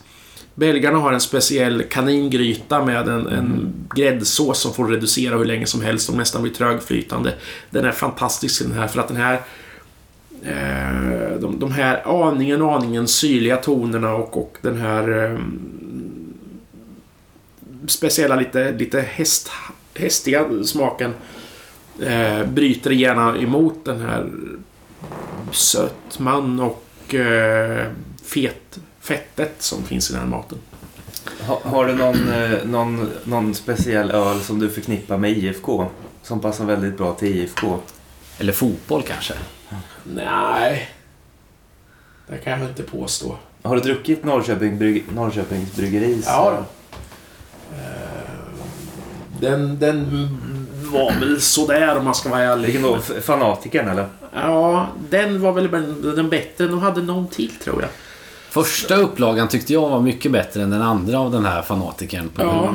Men sen jag finns... tror att någon av dem bryggde dem i större batch på, hos Eskilstuna också. Då blev det inte riktigt... Det Nej. blev kanske bättre men inte riktigt samma sak. För det här bryggeriet ligger ju här nere precis. Ja. Ett stenkast. Ja. Ja, ett stenkast. Eh. Men sen finns ju den här Stolt Stadlager. Har du Ja. druckit den? Mm. Den är ren och fin. Mm. Eh, Min favorit från dem är nog Bastarden. Som en stark röd ale. Ja. Eh, som är lite grann ett, ett just en bastard av att de, eh, de skulle bygga en klon av ett öl de hade bryggt, eller en öl de hade druckit i USA. En strong red ale. Men det visade sig att de hade inte alla ingredienser hemma till det, så de tog vad de hade. Och då blev det den där bastarden. Och, men den blev Ehm. ändå bra. Oerhört eh, trevliga grabbar som har det här bryggeriet. Väldigt stort hjärta. Ja, det verkar verkligen. Ehm, Var det den, eh, som, den ölen som det var Gull-Olle på etiketten eller? nej, det är deras pale ale. Okej. Eh, De är ju väldigt eh, Norrköpings lokalpatriotiska. Mm. Ja, det är därför vi brinner för dem tror jag. Ja. Sen är problemet att de ligger i sitt gamla bageri som gör att de kan inte de kan inte växa på något vettigt sätt. Nej. Och allting är väldigt, väldigt tungjobbat. Så att det är därför det kommer ut så väldigt lite öl därifrån. Jag brinner för den ölen som heter Humlemonstret. Humlemonstret, Humlemonstret, den var helt god. Men eh, det sa de någon gång, det var nog när de presenterade fanatiken på kurvan på Kungsbygard. Mm. Då har jag för mig att de sa att de alltid var tvungna att brygga i små, små batchar eftersom att de har ett litet bryggeri och det är svårt att hitta någonstans. Och, Dessutom så heltidsjobbar ju hela gänget så att de här, det här gör ju de på kvällar och helger. ja, just det. Och det är ju också, blir allt mer problem ju längre de har bryggeriet liksom att Nej, jag är ledsen eh, familjen. Vi kan inte åka utomlands på semestern för vi ska flytta på våra lagertank. Ja. Den är ju svår att få igenom hemma. ja. Eh, Likaså är det så att de i sina lokaler, de kan ju inte ta emot en pall utan de måste bära in allting. Mm. För att, eh, och större grejer så måste de ta ut ett, en glasruta för att kunna lyfta in. Ja. Så att, eh, som sagt, de älskar ju sin, sin lokal, gamla Östra Hembageriet, men Ja, vi får se. Det är spännande. Ja. De pratar ju mycket om att det skulle vara en bra hinkabilitet på Ja. ölen. Och jag tror det var det vi var ute efter när vi frågade om du hade någon speciell fotbollsöl. Om, det är, om du har någon bra hinkabilitetsöl som du kan eh, slå ett slag för. Ja.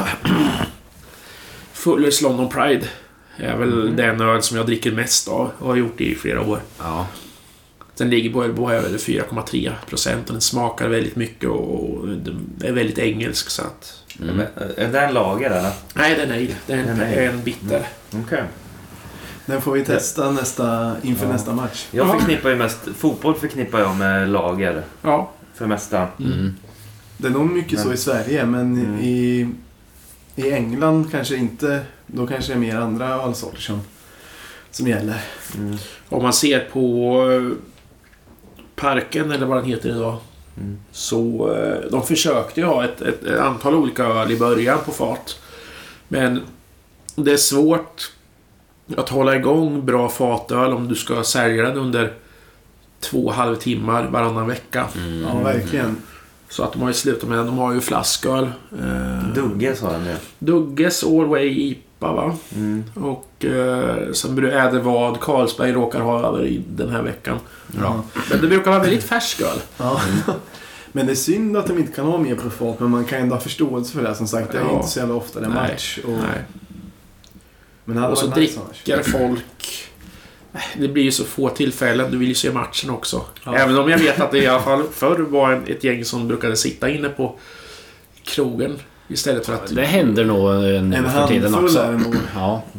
Men jag tänkte på när du... Men det är också... Ja. Eh, Om, om skottarna som hade som fest på läktaren. ja. Såldes det starköl på under EM eller? Det tror Vad? jag inte. Det Nej. var helt otänkbart. Ja, jag tror inte ens det var, säkert inte ens, alltså jag var ju inte med på den tiden, men det känns som att de kanske inte ens sålde, sålde folköl va? Nej, det tror jag inte.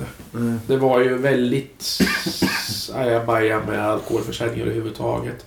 Däremot minns jag att man under EM eh, var väldigt generösa med utskänkningstillstånd eh, för uteserveringar och liknande så att man skulle veta att, att de, de skulle i alla fall inte gå törstiga. Mm. Sen var det ju också så att vi hade väl, var det under de åren som vi hade ett eh, borgerligt styre i eh, Norrköping som också då hade gett sig fasen på att man skulle trycka upp antalet utskänkningstillstånd för att det var väldigt få. Mm. Eh, och det lyckades man ju med. Kungsgatan var ju partajgata då. Det var, Ja. har ju- Mm. var ju inte riktigt på samma sätt idag. Nej, nej, verkligen inte. Men då var det mycket som låg där. Ja, Tellus och allt vad det hette. eh, I jämförelse. Idag hade det ju inte varit någonting. nej, nej. Men jag har för mig faktiskt att Norrköping någon gång under 90-talet hade näst mest antal utskänkningstillstånd per invånare. Det var bara Visby som slog. Ja. Jaha. ja, det har jag också hört att det var krogtätt. Ja. Men eh, åter lite till IFK då kanske. Eh, har du några... Vi har snackat lite om Superettan men eh, förresten vilka år var det som du var aktiv inom Peking Fans? Kan vi börja? Som mest aktiv var ju då 03 till... Eh, det är rätt att ha Mm. Som mest, som mest aktiv i Peking Fans var jag väl säg 03 till kanske 10-11. Mm. Jag vet att jag tog ju, jag tog ju samtidigt väldigt mycket foton. Ja, ja, det Jag har någonstans i stil med 60 000 bilder från matcher och arrangemang och resor och sånt där. Som jag delar med mig av i en grupp som heter Peking Fans Intern på Facebook. Det brukar vara en throwback Thursday. Det är en per vecka. Det är lite lagom. Då kan jag välja. Alla finns digitalt de här. Ja. Ja.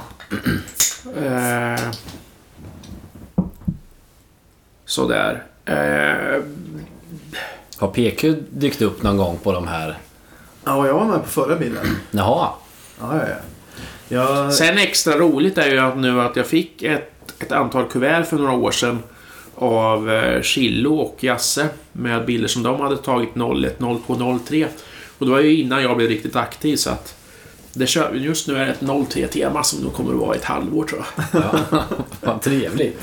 Men har du några särskilda, eh, någon särskild så här anekdot som du, som du tänker på från, eh, från din tid som aktiv? Vi har ju varit inne på några i och för sig med avstängda elen i lokalen och så vidare. Men eh, är det något annat som du tänker på från någon match? Något som var särskilt kul eller konstigt eller roligt? Eller, ja.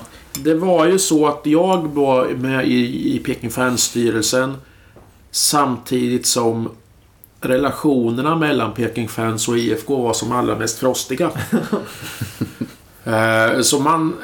Och det var en av anledningarna till att jag inte tackade ja till att fortsätta jobba med, med styrelsen. Ja. Var att... Eh, eh, man satt med hjärtat i halsgropen varje match. Ska det hända något? Ska någon göra bort sig?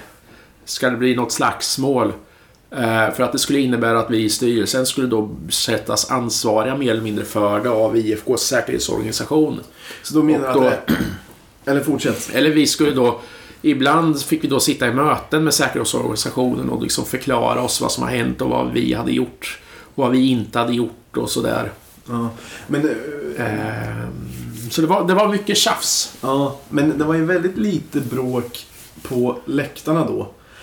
Var det att ni fick ställas till svars även om det hände någonting på någon krog innan matchen? Eller var det de här tjafsen som kunde vara med kanske lite publikvärdar och sånt? Inte så mycket. Man, man, hade ju, man var ju väldigt tydlig med vad som var IFKs ansvar och icke. Ja, Men om någon hade gjort något riktigt korkat på någon krog och så vidare så kunde det ju visst komma upp. ja, Eh, Men framförallt eh, var det ju pyro. ja okej. ja. Och då förstått- blev det stort, stort liv i luckan och det var Ja. jobbigt. Ja. Eller om någon av våra ibland till och med mer kända medlemmar både hos Peking och IFK eh, hittade på några dumheter. Ja. Eh, vi hade ju en medlem som eh, ställde sig upp mer eller mindre och, och krävde allas avgång vid något väldigt dåligt valt tillfälle. Ja. Som liksom vi fick liksom ställa oss, ställas till svars för. Och vi var ju vänliga, snälla människor som satt i styrelsen. Som, som liksom inte kanske var lika... Eh, vad ska vi säga? Vi i Peking Fans-styrelsen var väl kanske inte lika luttrade och eh, kanske inte hade samma agenda som IFK hade då. Nej. Och vad var den agendan? Eh, Man, det var ju fortfarande som, så som, som förening att man gick väldigt otakt internt. Ja. Och att ehm, som, som resultat av det försökte man skylla ifrån sig Ja. eh, på, på publiken. Vilket ju känns helt eh, märkligt men... ehm, Men det är väldigt kul att du säger det där för att det var... Jag har ju aldrig tillhört... Jag har ju aldrig varit med i någon styrelse eller någonting men ändå varit på väldigt många matcher och sett och också hört snacket om vad IFK har sagt och läst i tidningen och så. Och jag hade känslan av att ju sämre det gick för IFK desto mer tjafs var det om små saker på läktarna. ja, Så om, om det gick bra en period så kunde det hända någonting lite större som ingen... Det blev ingen större grej. Nej. Men om det var riktigt dåligt och publiken var missnöjd med spelet då kunde folket inom IFK göra väldigt stora grejer av små händelser på läktarna. Jaha. Och det är var väl lite flyt, Det är flytta då, eller? fokus. Ja, visst är det så. Mm. Och eh, som sagt, det var... Sen hade ju Peking Fans interna problem och styrelsen hade interna problem så att det, blev, det var aldrig speciellt roligt. Visst hade, jo, visst hade vi kul. Men eh, det var mycket som handlade om eh, skademinimering åt alla möjliga håll. Ja, det är rätt så trist. Men som du säger, att där- de åren verkar ha byggt eh, karaktären väldigt mycket i, i Peking Fans. Så är det ju på gott och ont. Eh, Det har... Vi, vi har väl, eller vi, men... Peking Fans har väl kommit fram till ungefär som jag sa i början, vad föreningen är, vad vi inte är, vad vi tycker, vad vi inte tycker. Eh, och det har gjort att vi har cementerat väldigt mycket. Eh, det verkar vara väldigt svårt att komma in någonting slags nytänkande. Alla vet hur allting ska vara. Och det är det som jag tycker är lite oroväckande. Nu ska vi säga att det bygge som man har gjort under de här åren med Kurva Nordahl har ju varit enormt eh, framgångsrikt. Ja, det var inte många år sedan som vi hade jättesvårt att fylla en tredjedel av, av den plats vi har idag. Nej. Under din tid som aktiv i styrelsen måste det ha varit svårt att visualisera sig en full kurva Nordahl. Nej, nej, nej, nej. Det, ett, ett sånt väldigt starkt minne som jag hade som var när vi var på botten. Om det är någon som frågar när var Peking Fans på botten så var vi det högsommaren 2003. Eh, då var det bortamatch eh, mot... Vad hette de? Örebro lag... Eh, Forward. Forward. Eh, sommaren 2003 var det bortamatch mot IF Forward. Och det var ingen som orkade arrangera en resa. Nej. Vi var några tappra som hade haft telefonkontakt och lite grann på det beryktade Peking Fans-forumet. Ja. Som liksom vi fick iväg kanske tre, fyra personbilar. Mm, jag åkte bil dit. Ja. Eh, men då kände det att då var vi på botten. Och det blev en väldigt... Vi fick stå i en liten... De hade byggt en eh, läktare liksom. Träläktare och så hade de byggt ett plåtskjul över. Som var väldigt kul för att vi hördes något fruktansvärt bra trots att vi bara var kanske 25, 30, 40 pers någonting sånt. Ja. Eh, och alla hade haft väldigt roligt och IFK vann. Bara en sån grej. Mot forward. Och det var det, det var det Det låter året. som ett påhittat lag. Ja, men det gör det verkligen. Det var det året den här ramsan Här är Peking fans, klapp, klapp, klapp, klapp, ni har ingen chans. Ja, okej. Klapp, klapp, Mm. klapp. Ja. Då brukar det bli att, det finns ju kvar än idag att folk hoppar runt och, och Mm. knuffar Ja, just det. Ja. Men då, Under tjalalala. Ja, exakt. Men den sången hade fötts då. Och den här läktaren... Jag tror var, att det var någon som hade sett någon film från Sydamerika något där de hade liksom, det var totalt kaos på hela läktaren under ja, där. Jag skulle gissa att det var PSG faktiskt i Okej. Frankrike. För de körde den och Ja, det, ja. det var röjigt hela läktaren. Men då, den matchen så det var inte så mycket folk så läktaren var ganska tom. Eh, det var liksom stora utrymmen mellan folk. Och Ja. sen så var det sånt studs i, för det var en träläktare. Ja. Så det var nästan som varje, varje, vad säger varje rad Mm. var nästan som en trampolin. Okej. Så då så, då så Killing, som många säkert vet vem det är. Mm. Han var med i det här och hoppade runt. Men han måste ha haft sån otur så att precis när han fick ett uppsving av trampolinen Ja. så fick han också en knuff i ryggen. Så jag lovar Flög Han flög på plan eller? han, han landade längst ner på det. Han måste ha flugit 4-5 Åh meter. Eh, det, det kommer jag ihåg. Och sen under samma match, och det måste ha varit då det var som frostigast, eller inte som allra frostigast, men det var frostigast mellan IFK och, eh, och Peking Fans. Ja. Så då var det någon banderoll som... För det hade väl antagligen... IFK måste ha fått böter några matcher tidigare som det har varit mycket snack om. Och sen så hade, om jag minns rätt, så hade Tor Arne Fredheim och någon mer gjort en resa till Sydamerika fruktlös Mm. eh, värvningsresa och då var det någon sån här eh, IFKs, eller Darres onödiga semesterresa och sen någon siffra, uppskattad siffra. Och sen mot, ställt mot böterna som bara var 5000 va? Ja, okej. Hade vi inte några sydafrikaner ett tag? Sydamerika var det. Ja, Sydamerika? Men- Syd- Jo, men vi hade tre brasilianare. Just Det det. kanske inte var fruktlöst men folk tyckte... Men de var ju sämst. Förutom, det var någon brass... Bruno... Det var Sant. sant. Så Så är bra var första omgången. Eh, vi hade ju en kille som hette Renato Braga också som gjorde det. Grejen var ju att under de åren så kunde IFK hitta liksom helt okända spelare någonstans ifrån. Som gjorde några jättebra matcher. Mm. Och sen liksom bara blev sämre och sämre och sämre och sämre. Och till slut liksom inte gick och liksom att ens att slussa ut i något av division 1, division 2-lagen. Eh, Man tog väldigt dåligt hand om sina spelare.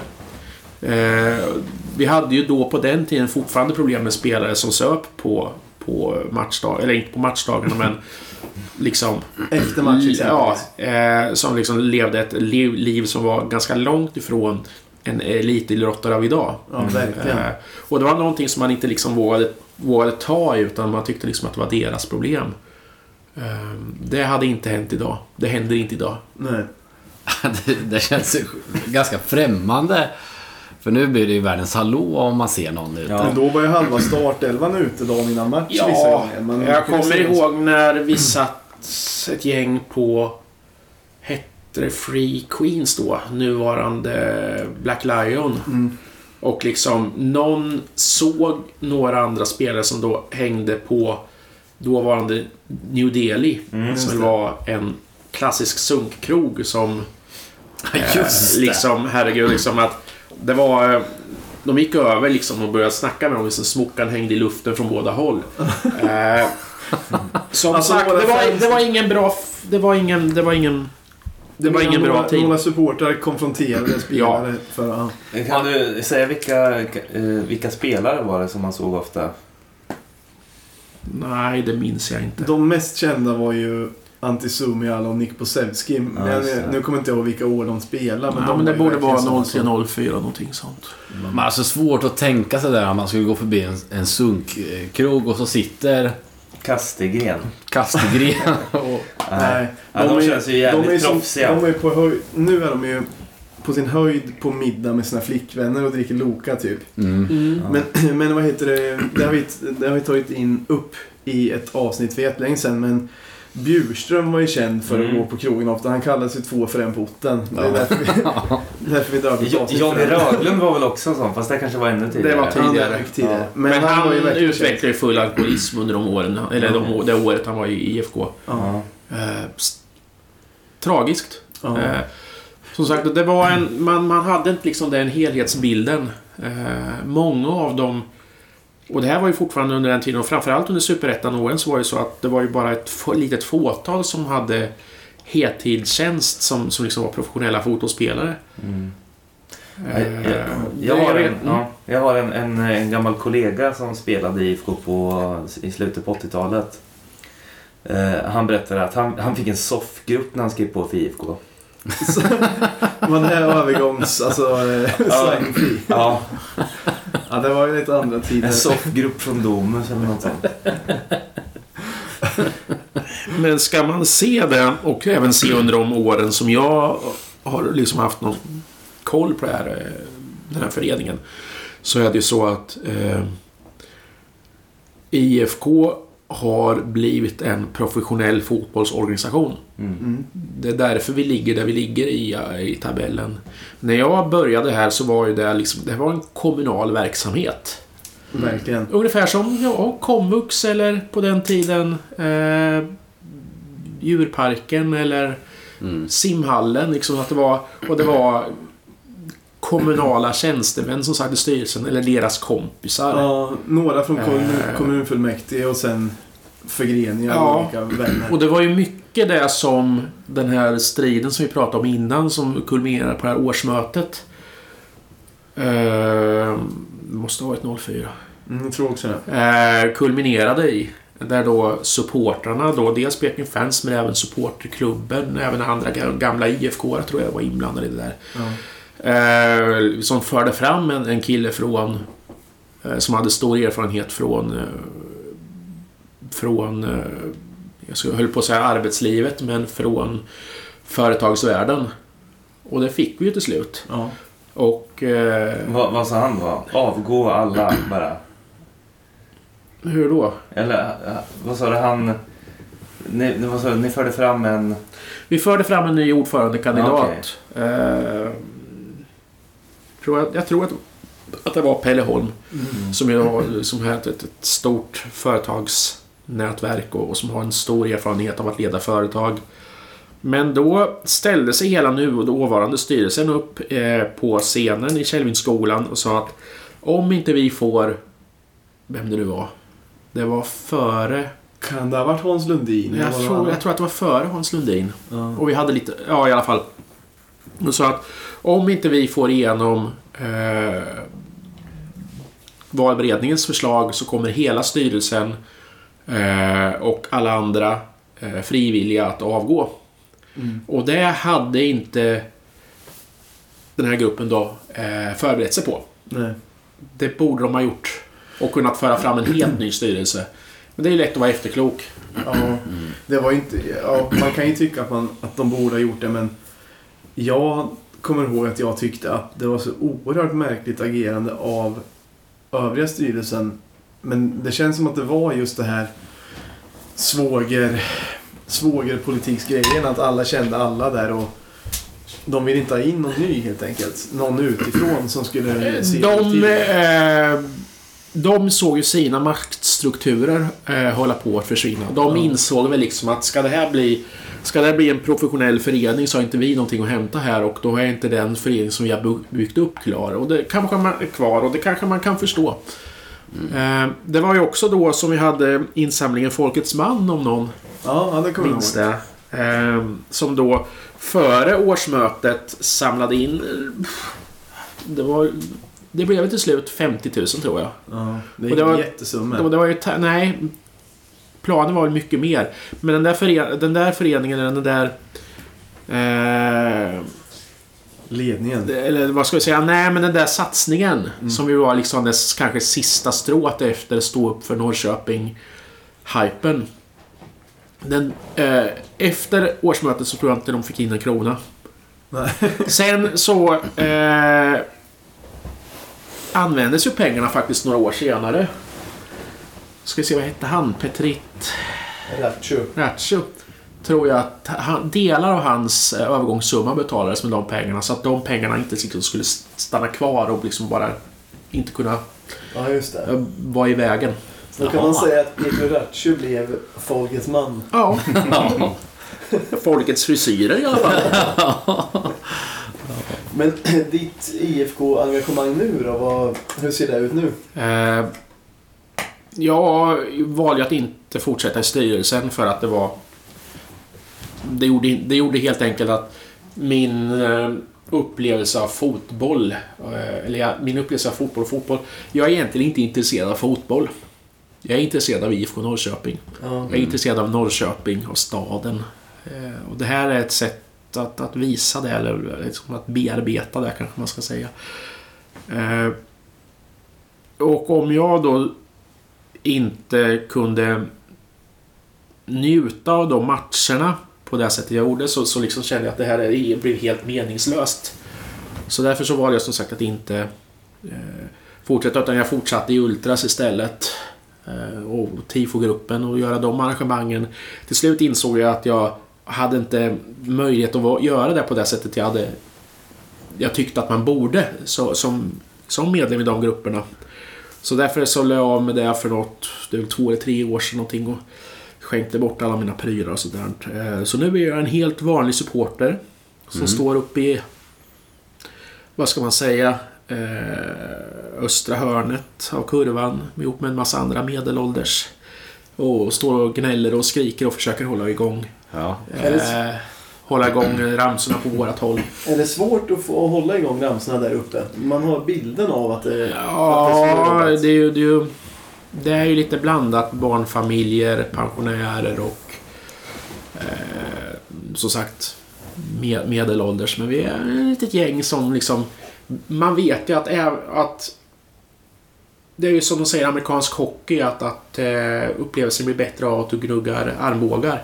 Ja. Eh, och det är ju så att om någon börjar sjunga så är det lättare för nästa att börja sjunga. Mm. Och så att det gäller liksom att inte att, liksom att ha liksom att ha lite jävlar anamma och säga att, att även om ingen annan liksom här sjunger, om jag börjar så då hänger någon annan på. Och så hänger någon annan på. Och Mm. så till slut så är det så att det blir sånt tryck på de som inte sjunger att, liksom, att de kör på. Sen gäller det ju liksom att, att det tar tid och då gäller det att, att ramsorna eller att sångerna är, är tillräckligt långa också. Ja, ja precis. Jag, Ibland går det, ibland går det inte. Jag har en pessimistisk spaning som jag inte vet om den stämmer. Det kan vara en känsla bara. Men när kurvan var ny så var jag helt tagen av hur bra drag det var. Mm. Och sen så tyckte jag att det gick uppåt egentligen hela första säsongen. Så det blev bättre och bättre under 2015. Mm. Men under den här säsongen så undrar jag om det inte nästan har blivit sämre drag Mm. På ytterkanterna av läktaren. Men jag vet inte om det är så eller om det är någon uppfattning jag fått bara. Hur, hur känner du som står lite längre ut på, på sidan? Är det samma alltid eller har det blivit lite sämre eller bättre? Det beror väldigt mycket på dagsform. Ja. Ehm, och hur, hur bra det går i matchen. Eh, är det så att IFK vänder så blir det alltid mer tryck. Mm. Är det så att det står 0-0 i 66 minuten då... Nja, då är det ju många som, som liksom står och tittar på telefonen istället. Mm.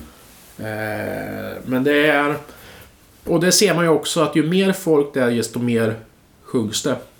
Det är, oli, det är olika, olika hur mycket... Det, det smittar av sig trycket på Mm. från både från läktaren och, eller från andra läktare och från, från eh, planen. Ja, för det, det märkte jag med mig själv. Jag, första gången jag stod i klacken var ju när kurvan invigdes.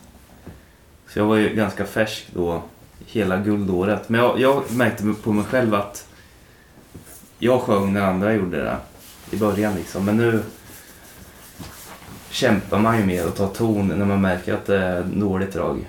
För att öka liksom. Mm, exakt. Det har jag märkt att du gör mer och mer. Det har ju blivit... Det blev lite bättre av att stänga av lä- längst ner. Så folk inte stod där. Ja. För de lär inte sjunga. Nej. Men ser du, tror du att det finns utvecklingspotential, att det finns mer att, att smöra ur eh, kurvan? Att, att det kan bli så att eh, mer eller mindre alla sjunger, eller känns det som att det... Jag tror inte att vi, man kan få alla att sjunga. Jag tror att det kommer finnas människor som helt enkelt inte vill. Mm. De kommer alltid att finnas. Däremot så får man försöka få dem att märka så lite som möjligt. Någonting jag har funderat över är att vi oftast står... Det är ju sällan det är riktigt fullt. Och Mm. även när det är riktigt fullt så är det ju inte...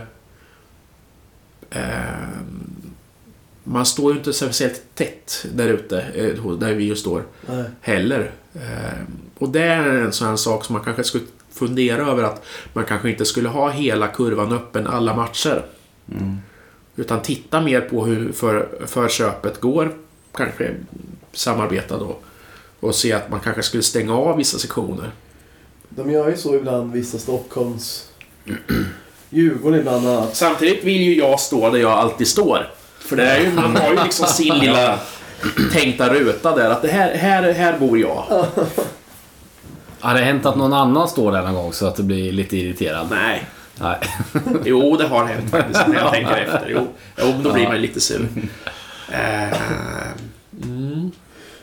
Ska vi korka upp eh, sista eller? Näst sista blir det väl. Ja, Ja. ja det är sista. Ja, men- Ja, Vi är tillbaka på det belgiska frukttemat. Okej. Det här är en eh, cassis. Den behöver man inte öppna i tillbringare. Nej, den här litade jag lite mer på. Det här är Mikkeller spontan cassis. Vi får hoppas att många lyssnare också är lite ölintresserade. Ja. Det här är en Lambic, en suröl. Ja, trevligt. Eh, Fan vad bra. Ju med eh, svarta vinbär i. Och det här är då från ett företag som heter Mikkeller. Som är väl en, in, mer ett, en industri idag. Fick vi hyfsat lika nu. Ja då. När jag, när jag får. Mikkel Borg Bergsö, Ja, då. en, eh, en manisk man. Eh, som har ett, ett företag som heter Mikkeller då. Som har eh, bryggerier i eh, Köpenhamn och i San Diego. Och också brygger öl hos andra. Ett fantombryggeri. Den här är bryggd i Belgien på ett traditionellt sätt. Eh, Till och med skummet är lite... Nästan lite svarta vinbärsfärg. Ja, och doften är riktigt så här svarta vinbärssaft. Vi, eh, jag tänker nästan på porterstek, för det är mycket svarta vinbärssaft i. Det är gott. Mm. Jag tänker på det här saftkoncentratet du pratade om innan. Mm. Mm. Smaken däremot är ju rejält sur. Mm. Här är vi inte längre inne på syrlig, utan här är vi sur. Oj! Den var mycket surare i smaken än Frisk, produkten. skulle jag vilja säga. Ehm, och den har ju ingen beska den här, utan det är ju, det är ju bara den här syran som man får till genom diverse laktobaciller är det ju framförallt. Det är samma som man har i filmjölk och kefir och sådär. Så att det, Mhm. det blir också lite syrlig. Är det också bakterie... Jajamensan. egentligen? Ja, både bakterier och gäst i det här fallet faktiskt. Ehm, Den här kommer jag inte riktigt ihåg varför jag tog med, men den är, den är väl trevlig. Ja. Den känns som att den skulle passa inför en sommarmatch Mm. i värmen. Fast kanske bara en halv. Eller en. Ja, det här till... Och den är ju inte så jättefruktig heller. Den, fin- den här finns det kanske är 15-20 olika frukter. Min favorit är nog krusbär faktiskt. Den är riktigt, riktigt sur. Jaha. Vad hette den här? Spontan gooseberry. Den här är Mikkeles spontan cassis. Okej, spontan kansis. Och den har ju givetvis en starkare kusin som då heter dubbel spontan cassis. där. Men det finns hur många olika som helst. Ja. Eh, Mikkeler är ju för övrigt, som jag sa, lite manisk och har en förmåga att pressa ut hur mycket öl som helst. Eh, jag tror han under de här eh, åren som han har gjort, det, vi pratade liksom om att de kanske har gjort 4000 olika sorters Oj. öl. Oj. Så det, är ju, det, det, det pressas ut. Jag han hatar att göra saker två gånger. Jag känner till eh, Mikkele för deras glutenfria bärs. Mm. Det är många som är glutenallergiker som dricker just den. Ja. Och där tillsätter man då en har man då en speciell, odlat fram en speciell sorts jäst som käkar gluten. Ja, okej. Eh, Så de brukar bli ganska bra. Eh, Glutenfri öl är ju också någonting som jag går framåt. Som dök upp för tio år sedan och då smakade de ganska obehagligt. För då gjorde man så att man tog bort, helt enkelt inte bryggde dem med korn och kornmalt utan bryggde dem med sorghum eller andra spannmål. Jaha, Och det blev inte riktigt lika bra. nej. Och nu har de gäst istället som Ja. smart. Mm. Ja, men det var, trevligt. Mm. Den var dödtrevlig. Jag, fund- jag funderar på en sak. Alkoholfria öl. Mm. Har du testat det runt där också en del? Oh ja, oh ja. Eh, också där, de blir bättre och bättre. En del är väl inte så bra. Men just Mikkeler har några, en serie, ett par serier som de, som de gör som är helt okej. Eh, Likaså finns det en som heter Brutal Brewing. Mm. Chip och Hops som är alkoholfri, helt alkoholfri. Mm. Som är helt acceptabel. Mm. Men det är väldigt sällan jag dricker alkoholfri öl för att dricka alkoholfri öl. Liksom. Det är någon gång när man är ute och man ska vara på krogen och äta någonting och inte vill ha. Men jag dricker nästan alltid mineralvatten istället. Jag tycker att det är godare. Ja. Mhm. Men det är en enorm marknad och du kan göra mycket pengar på att göra en bra alkoholfri öl. Ja, det tror jag också. Det är lite spännande om man tittar på hur ölmarknaden i Sverige har utvecklats sen, jag tror att det är mitten av 80-talet. Då sålde- såldes ungefär en tredjedel lättöl, en tredjedel folköl och en tredjedel starköl. Idag är det eh, liksom... Eh, 3,5-ölen är ju nästan utdöd. Det är, ett specialintresse. Lättöl också i princip eh, döende. Mm. Ingen dricker lättöl. Däremot alkoholfri växer och växer och växer med tvåsiffrigt antal procent varje år. Och det ser inte ut att avstanna. Men jag tycker ändå att det har kommit fler och fler eh, 3,5 med lite roligare öl, lite iper och sådär. Ja, och det har mycket att göra med att eh, de här små bryggerierna har hittat en nisch som gör att de kan bli lite mindre beroende av Systembolaget. Okej. Jaha, ja, ja, just det.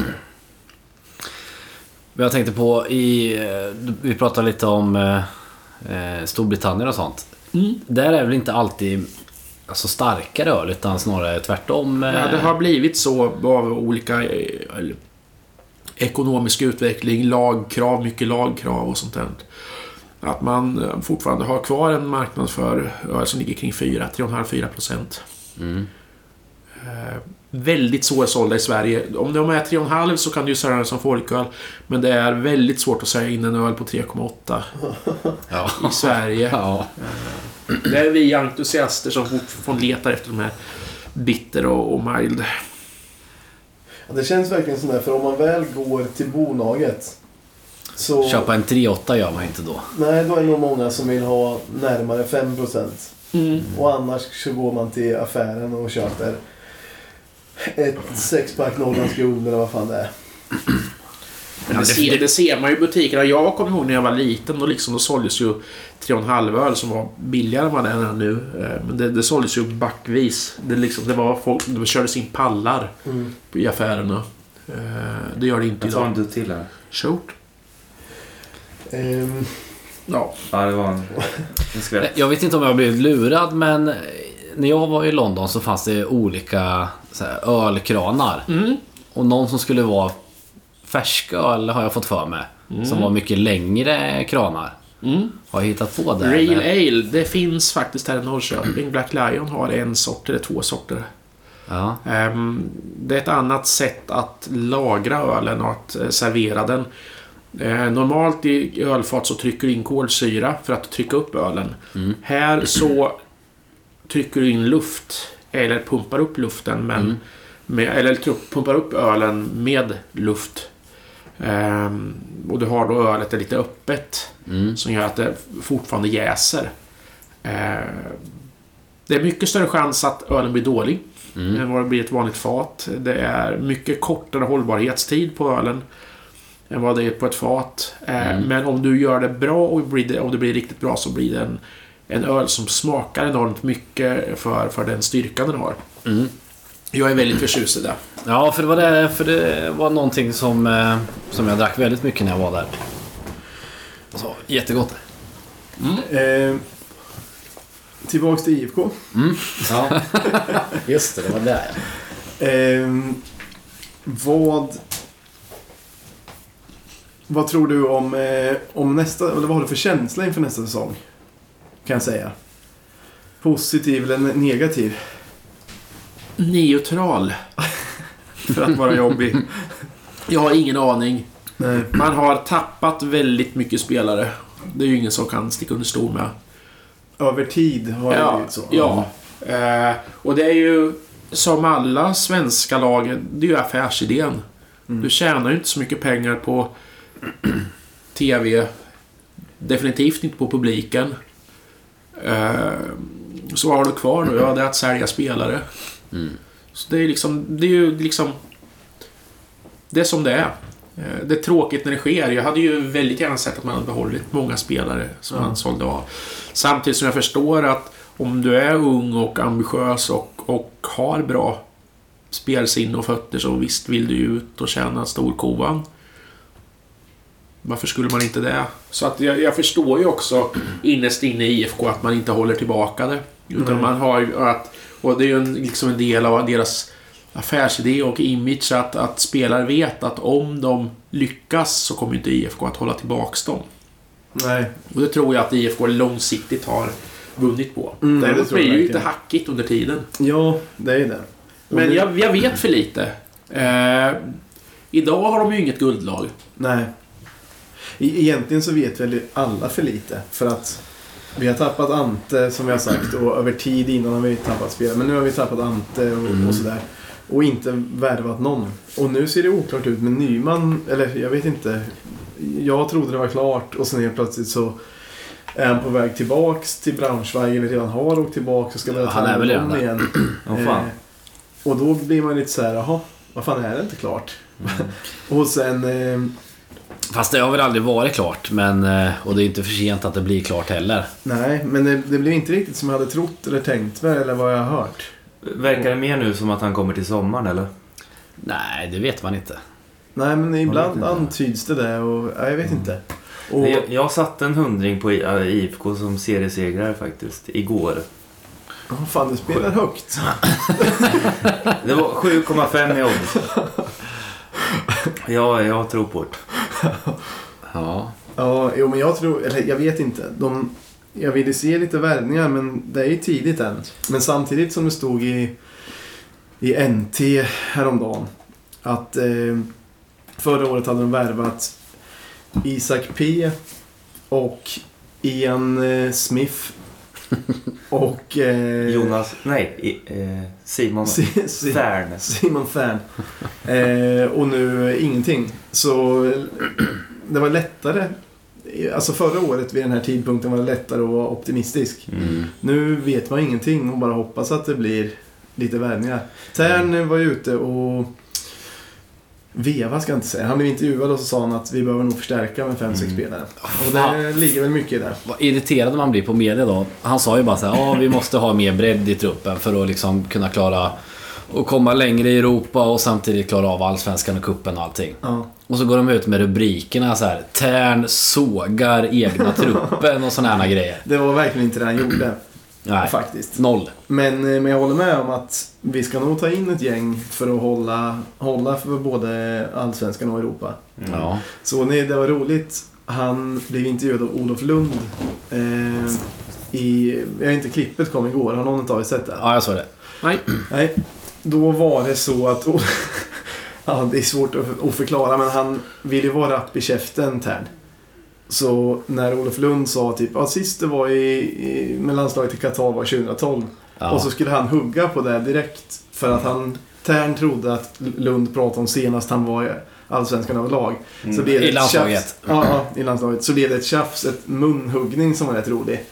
Det klippet kan vara värt att, eh, att leta upp. Men det är så kul, det är som att Tern alltid vill få Hugga. sista ordet och hugga och, och skapa en liten diskussion. Bara Men- pa, pa, pa, pa, varja. Men, och om man kollar på det här klippet, då kan man... Du har ju sagt, eh, Myra, att... Någon gång sa ju du att Skrabb har världens normalaste frisyr. Mm. Mm, mhm. Håller du med där Bark? Ja, jag har inte tänkt på det, men... Den är bara helt vanlig. Eh, Men eh, Tern i det här klippet har den galna, alltså världens galnaste frisyr. Ja, Han det- är jag- som tussar åt olika håll. Som bara, det ser ut som att han precis har vaknat och inte bryr sig något om att han ska bli intervjuad eller någonting. Jag tyckte det såg ut som en sp- sportbarnfrisyr. Okej. Som att man har Kan haft föreställa ett dig band på sig och tagit av sig. Nej men bara sportbarnfrisyr. Eh, Jag vill föra till protokollet att jag tyckte han hade grym frisyr. Jag Ja, önskar att ja, jag ja, ja. ville ha så. Men han hade lika gärna kunnat vara... Det här säger jag med kärlek, men han hade kunnat sitta på mentalsjukhus och ha, ha sån frisyr. Ja, Nej, jag, jag, ja. men man kanske i alla fall får vänta nu, man kanske får vänta till lite senare på silly season innan man kan börja sia om hur det kommer gå. Men nå, någonting som är kanske både roligt och tråkigt Mm. är ju att så fort det börjar ryktas om en person tillbaka till, alltså en, en hemvändare till Allsvenskan. Mm. Så är alltid Norrköping med i det här tugget. Oavsett vad det är för gubbe nu. Mm, det är bra. Ja. För det var väl han, vad heter han, Cibicki va? Var ju på tapeten ett tag. Ja, ja, ja men det är gamla nyheter. Men alltså Mm. varenda, varenda namn som kommer upp på tapeten som är att ja, men han, den här personen skulle må bra av att vända till Allsvenskan. Kanske, och så står det typ AIK, Djurgården, Hammarby, Norrköping. Norrköping nämns alltid där nu. Men eh, även att det här är Cibicki eller Cibicki eller vad fan heter. Även att det här var... Cibicki. även att det är gamla, gamla nyheter nu. Och att det kanske inte ens fanns någon sanning i det. Det är ändå positivt att det nämns. Att IFK hela tiden nämns som en klubb som skulle kunna värva hem ett ganska stort namn. Jo, visst. Det är ju positivt ändå. Mm. Men Så- precis som... eh, Var det klubbdirektören eller var det ordföranden som påpekade att eh, IFK har växt sportsligt senaste åren? Det kan man ju inte säga någonting emot. Eh, Men inte ekonomiskt.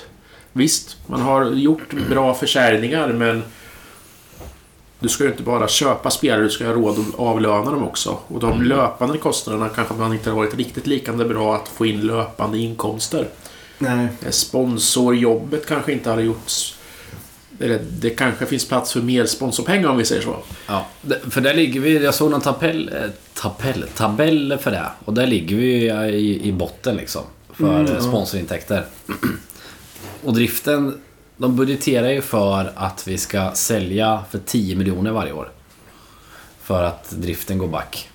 Det är ju rätt, det är en rätt jobbig post att hela tiden ha och behöva. Det går ju nu, nu går det ju det. Men det är ju inte alltid kanske det kommer gå att göra det. Nej. Nej, exakt. kan bli kämpigt. Men vi får väl... Vi får väl helt enkelt vänta och se i alla fall vad det blir för värvningar. Sen får vi sia igen lite senare. Mm. Är det någon som har någonting mer att, att ta upp? Det är ju att det är oroväckande tyst för att vara, för att, om man är supporter. Samtidigt har ju IFK under de senaste åren visat att man eh, kan värva oerhört smart och faktiskt oerhört billigt. Mm. Eh, frågan hur länge man... Och, och det har man ju också kunnat göra eftersom man fortfarande liksom... Okej, vi har vunnit guld men vi är fortfarande underdogs. Ja. Hur nu det går till, men... Ja, faktiskt. Det är en bra fråga. Varje år. Ja.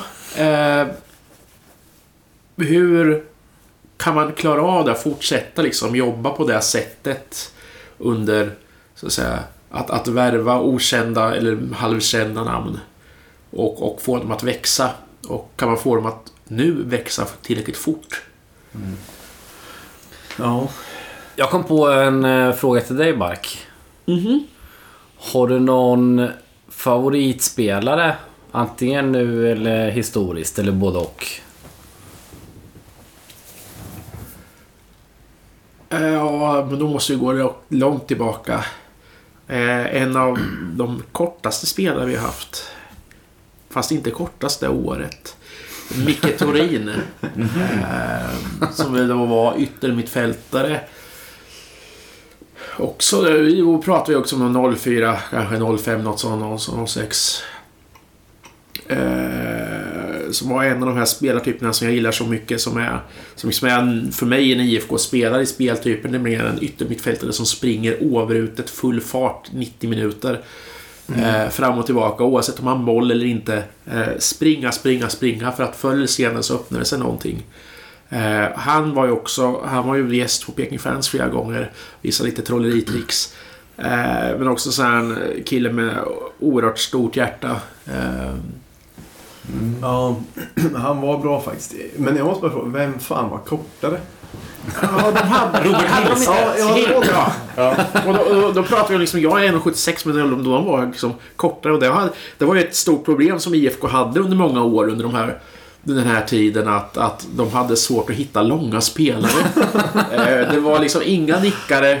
Liksom de som liksom tycks pressa in bollen i hörnor. Vi var jättedåliga på hörnor under de här åren.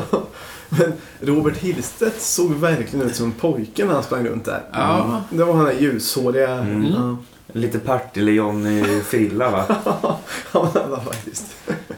Men Torin, han, han var inte heller så lång men han hade ju ändå hållning som en SS-officer. Ja. Ja, han var rak i ryggen och bröstet fram och... Ja. Ja, verkligen.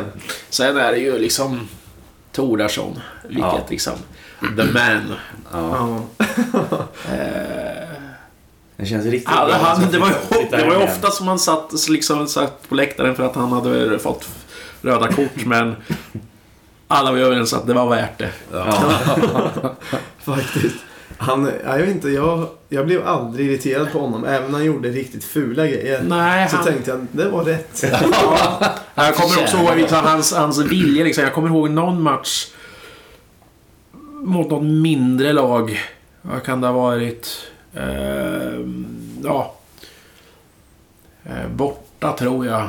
Som han, han skulle forcera fram. Och eh, det kom två backar springande efter honom och mer eller mindre högg honom i armarna. Och liksom, han fortsatte springa med dem liksom hängande efter sig. innan do- domaren för en gång skulle bli blåst av. För att han var ju... Andra, liksom han var hård och tuff. Vilket innebar att andra också fick lite mer frikort att vara tuff tillbaka mot honom. Ja, så är det verkligen. Domaren tittar gärna åt andra hållet. Jag har ett fantastiskt foto när han just får ett rött kort och ligger på knä och, och tittar bedjande mot domaren och räcker fram armarna så här. Jag har inte gjort något! Har du det där kortet, då kan du skicka till mig. Ja, jag ska hitta fram det. Ja, då kanske vi kan ha det som Det är avsnitt. en av de få spelare som jag, som jag har faktiskt taggat med namn. Eh, också det är liksom en, en urkraft. Ja, verkligen en urkraft. Och det var, det var liksom en sån spelare som Precis som, som Ante som, som höll ihop laget som höll upp moralen och humöret i, i tider Ja. som var ganska mörka faktiskt. Mm. Verkligen. Ska vi avsluta där kanske? Ja, vi kan nog runda av där. Hur mycket, hur länge har vi pratat nu? Två och en halv timme. Åh, herregud. Ja, ja. Och satan. Eller hundra, du ser sugen på att dra ut, dra ut en till bärs. ja. Ja, vi, vi Har kan, ni gå, något vi kan gå ut på en bärs. Ja. Ja. Och det här är en riktig raritet. Sigtuna midvinterblod. Godnatt då. Mid, midvinterblot. Eh, lite osäkert när den är bryggd, men bäst före datum är 2012. Så någonstans in 2009-2010 tror jag på. Du vågar jag ändå öppna utan eh, tillbyggnad? Ja, det här är en Imperial Stout, så att de brukar hålla sig i Okej. flaskan. Ja. 10,1 såg jag där också Ja. procenten. Jag tror att det var så att... Nej, det här var nog före... Det är nog efter Ace of Spades, men det skulle kunna varit en av de starkaste öl som fanns i Sverige då. Ja. Det var lite hype kring det här. Det var lite modernt kring den här tiden att eh, brygga så stark öl som man bara kunde. Och eh, Sigtuna bryggeri är ett bryggeri som har funnits i flera skepnader och perioder. Och det här är Mattias Hammenlinds perioden. Eh, som de gärna gjorde väldigt stora, starka, svarta öl. Mm. Hur stark sa du att den var? Jag missade den. 10,1. 10,1. Den kan ha kommit någon liten Mm. eh, tiondel stark till. Kommer den vara godare än Arboga 10-2? Den är inte dålig. Tycker du inte? Eh, Arboga 12 finns väl också en som är, som är... Om man har den i blindprovning tycker folk att ja, men den här var inte så dum. Eh, Utan det är mycket att etiketten skrämmer bort. Ja, det kanske är Den så. är faktiskt ganska välbryggd, de där. Ja, okej. Eh, Vad, vad, vad tycker du om eh, Norrlands gulddynamit? de här 7, 7% lagerölen är oftast inte bryggda som 7% utan man har bara liksom pressat upp dem eh, i en väldigt snabb process så att de blir sällan sällan speciellt bra. De här som är på 10-12 brukar oftast kräva lite mer eftertanke och lite mer hantverk. Så de blir oftast bättre. Den här tyckte jag luktade choklad eller kakao. Mm, mm. Hade Det jag är ju att det är mycket svart. Rätt och rätt, det vet du inte. Alltså, det, det är ju det som, är att vi, som vi pratade om tidigare, att vi har olika, vi har olika doft och smakreferenser. Tycker du att den här smakar som en, en, em, gammal pudel, så ja, men då tycker du det. Och då kan ju inte jag säga ja eller nej. Eller svårt, eller rätt eller fel. Men visst, eh, att rosta malt är samma process i princip som du gör när du rostar kaffe eller rostar eh, kakao. Så att det, det, det blir samma smak för familjen. okej, okej. Oj. Den smakar inte som den luktar. Nej, det är lite russin i doften. Lite sötma. Och den smakar inte så starkt. Nej, eh, den, är näst, den har nästan ingen kolsyra kvar. Och den var väldigt god. Den Ja, var väldigt god. väldigt god. Eh, den här till lite mörk choklad kan jag ty kanske tycka. Ja, riktigt, en- riktigt bra utvecklad. Oftast de här ölen när man, när man dricker dem färska är eh, ganska så aggressiva. Eh, väldigt alkoholiga, spritiga och, och liksom smakerna sticker iväg åt alla möjliga håll. Så de behöver lite tid på sig för att lugna ner sig som de kallas. Man kallas. Och den här var riktigt rund och fin. För den var inte alls... eh, Jag trodde den skulle vara ganska spritig. Mm. Men den var inte alls spritig. Nej. Och det är att det finns så mycket andra smaker och så mycket andra runda smaker som jag går runt omkring den. För en sån här som vi pratade om tidigare, den här Arboga, den kan jag tycka är ganska spritig. Mm. Ja, framförallt med att som jag sa, sån här 7-procentiga. Um, det, det blir väldigt mycket rengöringsalkohol över dem. Är Björnebryggd en sån? Ja, typ. Ja. Elkbrew då? Ja, det finns många av dem. De har ju, de har, de har ju en speciell kundkrets. Åbro har ju sin 7,2 till exempel som, som eh, har vissa mm, supportrar. Som även köper de här, eh, vad heter det här då? Eh, som smakar satan. Det här vinet eller vad fan det är. Castelli och det, det, det, Rosita eller vad menar du? Ja, ro- ja, ty- ja, typ Rosita och de här. Det finns ju någon mer som är ännu mer klassisk. Jag vet vilket. Negrita, är det där? Nej, nej, det är ju en rom. Vilket är det? Är det Rosita? Marinella. Marinella tror jag att, att den heter. ja. Man får mycket APK. Alkohol per krona. Och med de orden... Så är det nog bäst att stänga av. ja. Ja. ehm, Och vi måste tacka Bark. Ja, Tack snälla. Tack Det har varit jättekul att, att vara här och eh, prata gamla minnen som är en av mina favorithobbys. Ja, och jättetrevligt att ha haft dig här. Ja, Tack. supertrevligt.